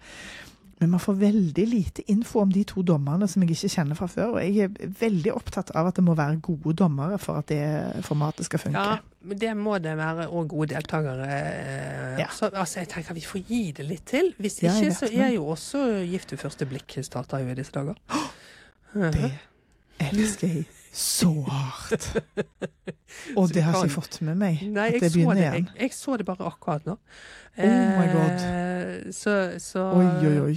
Men det, plutselig har vi okay, rotet oss inn i sånn to ganger i uken. Nei, det kan vi ikke. Det har jeg ikke tid til. Å, det, det, er det beste vi- programmet. La oss ha dette som en kontrakt med seerne. Hvis vi finner ut at bakingen er altfor alt for kjedelig, så må vi bare hoppe av. Så kan vi gjøre oppsummerende ting om Gift ved første blikk. Så hanker vi oss inn. Så kommer vi i Åh, rute det var på en det. bra plan. det? det. Kjempebra. kjempebra. Og Ja. nå er jeg ikke så urolig lenger. Åh, OK. Ja, men du, jeg har fått litt sånn, jeg har fått eh, tilbakemelding fra Mm. seere. Oi. Lytt, lyttere, som det heter. Det ene var, det glemte jeg å kommentere underveis, men eh, det ene var at eh, jeg fikk spørsmål om dette smykket som Gro har på seg med den Arbeiderpartilogoen. Ja. Om det faktisk fins i virkeligheten. Og når Ja, jeg skulle forsøke å Ja, Jeg skulle forsøke å google dette, så fant jeg en uh, omtale av at Ingvild Kjerkol hadde fått uh, Det var en gam, ganske gammel artikkel som var sånn Ja, Ingvild Kjerkol var så glad fordi hun hadde fått tak i det. Eh, men nå har jeg sett det på flere kvinnelige politikere, så jeg tror at dette har blitt satt i produksjon igjen. Ja, at de har det som sånn eh, Kanskje du får det sånn hvis du Innad i partiet, liksom. Ja, men det, det jeg mener med at det at Ingvild Kjerkol var så utrolig glad for at hun hadde Mhm. funnet det, Mhm. eh, er vel en indikasjon på at det ikke var sånn at det bare har alle liksom blitt delt ut som sånn 20 år i partiet. Men det er jo også liksom, det er jo dritlett å få laget et gullsmykke, liksom. Hvis du absolutt vil ha det, så kan du bare lage deg en sånn A. Jo, men dette var designet av noen, så man driver jo liksom ikke og Å ja, stjeler noen sitt design. Nei, det gjør man ikke. Men det syns jeg var litt sånn gøy, at det Ja. faktisk fins. Nei, unnskyld, nå sa jeg Ingvild Kjerkol, men det var Haja Tajik. Jesus, Hun har posta i 2018, så har hun posta på Facebook. I mange år har jeg sett voksne damer med A-en, som var den Mhm. gamle partilogoen til Arbeiderpartiet, som smykke. Lenge har jeg ønsket meg det, men det fins bare i svært få eksemplarer. Ah. I dag fikk jeg det fl- flotte smykket av Hedmark Ap. Jeg er veldig glad. Ah, ja. Så her er det åpenbart om det liksom eh, Om det bare eksisterer som en sånn hemmelig lager, I don't know. Mm. Men det var Spennende. Ja, og det samme lytter, da, eh, Hattip Ellen, var veldig Hun har hørt seg bakover i episodene og var litt sånn Litt bekymra over at spalten Kroppen hadde forsvunnet. Ja. Så for, Det fordi vi disse. Vi, episodene ble jo så egentlig- Ja, vi vil jo egentlig ha spalten Kroppen Ja. tilbake. Det er bare det at vi aldri får eh, somlet oss til det. Vi glemmer Nei, men nå tenkte jeg jo bare Ja. å rett og slett ta, ta eh, tyren ved hornene. Altså, Miss Mary-føljetongen har jo vært eh, litt Ja, kroppen, kroppespalten kroppen. det kroppen. Ja. Men det er alltid fin måte å sjekke inn på. Men nå kan vi jo Mm. bruke det for å sjekke ut. Hvordan, Ja. hvordan går det med kroppen i Lofoten? Du, kroppen i Lofoten er eh, forblåst. Eh, det er egentlig, ellers har kroppen det veldig fint med å være i Lofoten. Altså, jeg blir så, jeg blir så glad av sånn blåsevær. Ja. Så eh, jeg, lever jo litt sånn nesten sånn hyttelig Sånn, nei, Når dusjet jeg sist? Nei, det er usikker. Litt sånn skittent hår. Ja. Ull, stillongs. Hele tiden. Og avslappet kropp har du, altså. Jeg har en veldig avslappet kropp. Så jeg skal, Jeg har, ikke hatt, har ikke hatt på meg BH på all tid. Nei. Miss Mary er forvist Ja, fra jeg kommer, øyen. til, kommer tilbake til Oslo til eh, neste uke, så da blir det BH. Mm. Ja, det blir bra. Og du? Hvordan er det i Jo, BH-livet? jeg? Det er, det er jo pågående ting i denne kroppen som, eh, som jeg ikke skjønner, men jeg har da fått, eh, fått eh, påvist sånn eh, hælspore, så jeg driver og får oh. Akupunktur med strøm i leggene. Mm. Og har en sånn mann som driver og knekker på ryggen min, og jeg, jeg syns ikke det er noe gøy. Syns ikke liksom at det er så- ryggrad og sånn. Dette, Ja. Jeg skjønner jo at han er utdanna, men jeg blir veldig engstelig av det. Ja, er det, er det en sånn kiropraktor, eller? Ja, det er sånn greier. Ja. Så Men har eh, det direkte sammenheng med hælsporen? ja, er det det er det, det. Fordi man er liksom eh, Ja, skjønner det. Så skjønner jeg liksom ingen Altså, ja. Så skjønner jeg ikke fordi at det skal liksom gjøre vondt, fordi at da skal hjernen sende masse endorfiner, og så så blir det litt sånn hm, Hvordan skal jeg da Fordi jeg er jo et, en flink pike, så jeg vil jo alltid være verdens beste pasient. Mhm. Så jeg skjønner ikke om jeg skal si fra når det gjør vondt. Fordi det tenker jeg ofte så vil jo leger vite det. Som en sånn grense, da. Eller skal jeg liksom bare tåle det fordi at hele poenget er at det skal gjøre vondt. Skjønner du? Altså under behandlingen? Ja. Å ja. For han driver jo og trykker på ischiasnerver og sånne ting, og det er jo helt umulig at det ikke gjør vondt. Det er jo, det er jo liksom Men driver jo ikke du skriker og sier au og sånn? Det er det jeg lurer på, da. Fordi at det er liksom eh, Det er jo Av og til gjør man jo det bare fordi at det er kjempevondt. Da, Mm. kan man, da, er, jo ikke noe, er ikke noe vurdering. Men, men av og til når han driver sånn klemmer og knekker og holder på, så tenker jeg sånn Vil du vite når jeg syns det er ubehagelig, eller vil du bare liksom At jeg bare skal suck it opp? Nei, Fordi det jeg sier tenker sånn, du au. kan Altså, hvis Så, dette er sånn kiropraktor ja, med jeg. akupunktur, eh, så er jo, er jo Ja. ikke Der kan man jo spørre, vel. Ja, jeg spurte, jeg. Jeg, Ja, jeg, ble litt usikker, jeg. med, på om jeg skal si ja, ha-ha-ha, sa han bare. Å ja, det var Så- ikke noe svar å få? Nei, og, og jeg lå med sånn ansiktet nede, sånn benk, og nei, jeg syns det er ydmykende. Så kroppen har det um, Og så har jeg fått sånne øvelser som jeg skal hjemme med sånn strikk, og så er det jo åpenbart at jo oftere jeg gjør de øvelsene, jo mindre er jeg nødt til å gå og bli stukket i.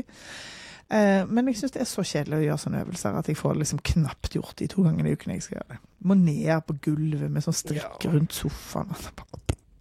Så Ja, all akkurat nå er jeg litt sånn sånn sur på kroppen. Ja, Ja, det blir man sur av. Og sånn hælsporeting er fryktelig vondt òg. ja det er veldig vondt, altså. Det er det. Så Ja, det er sånn er det. irriterende. Det blir som en men så- eh, med det første, da. Altså.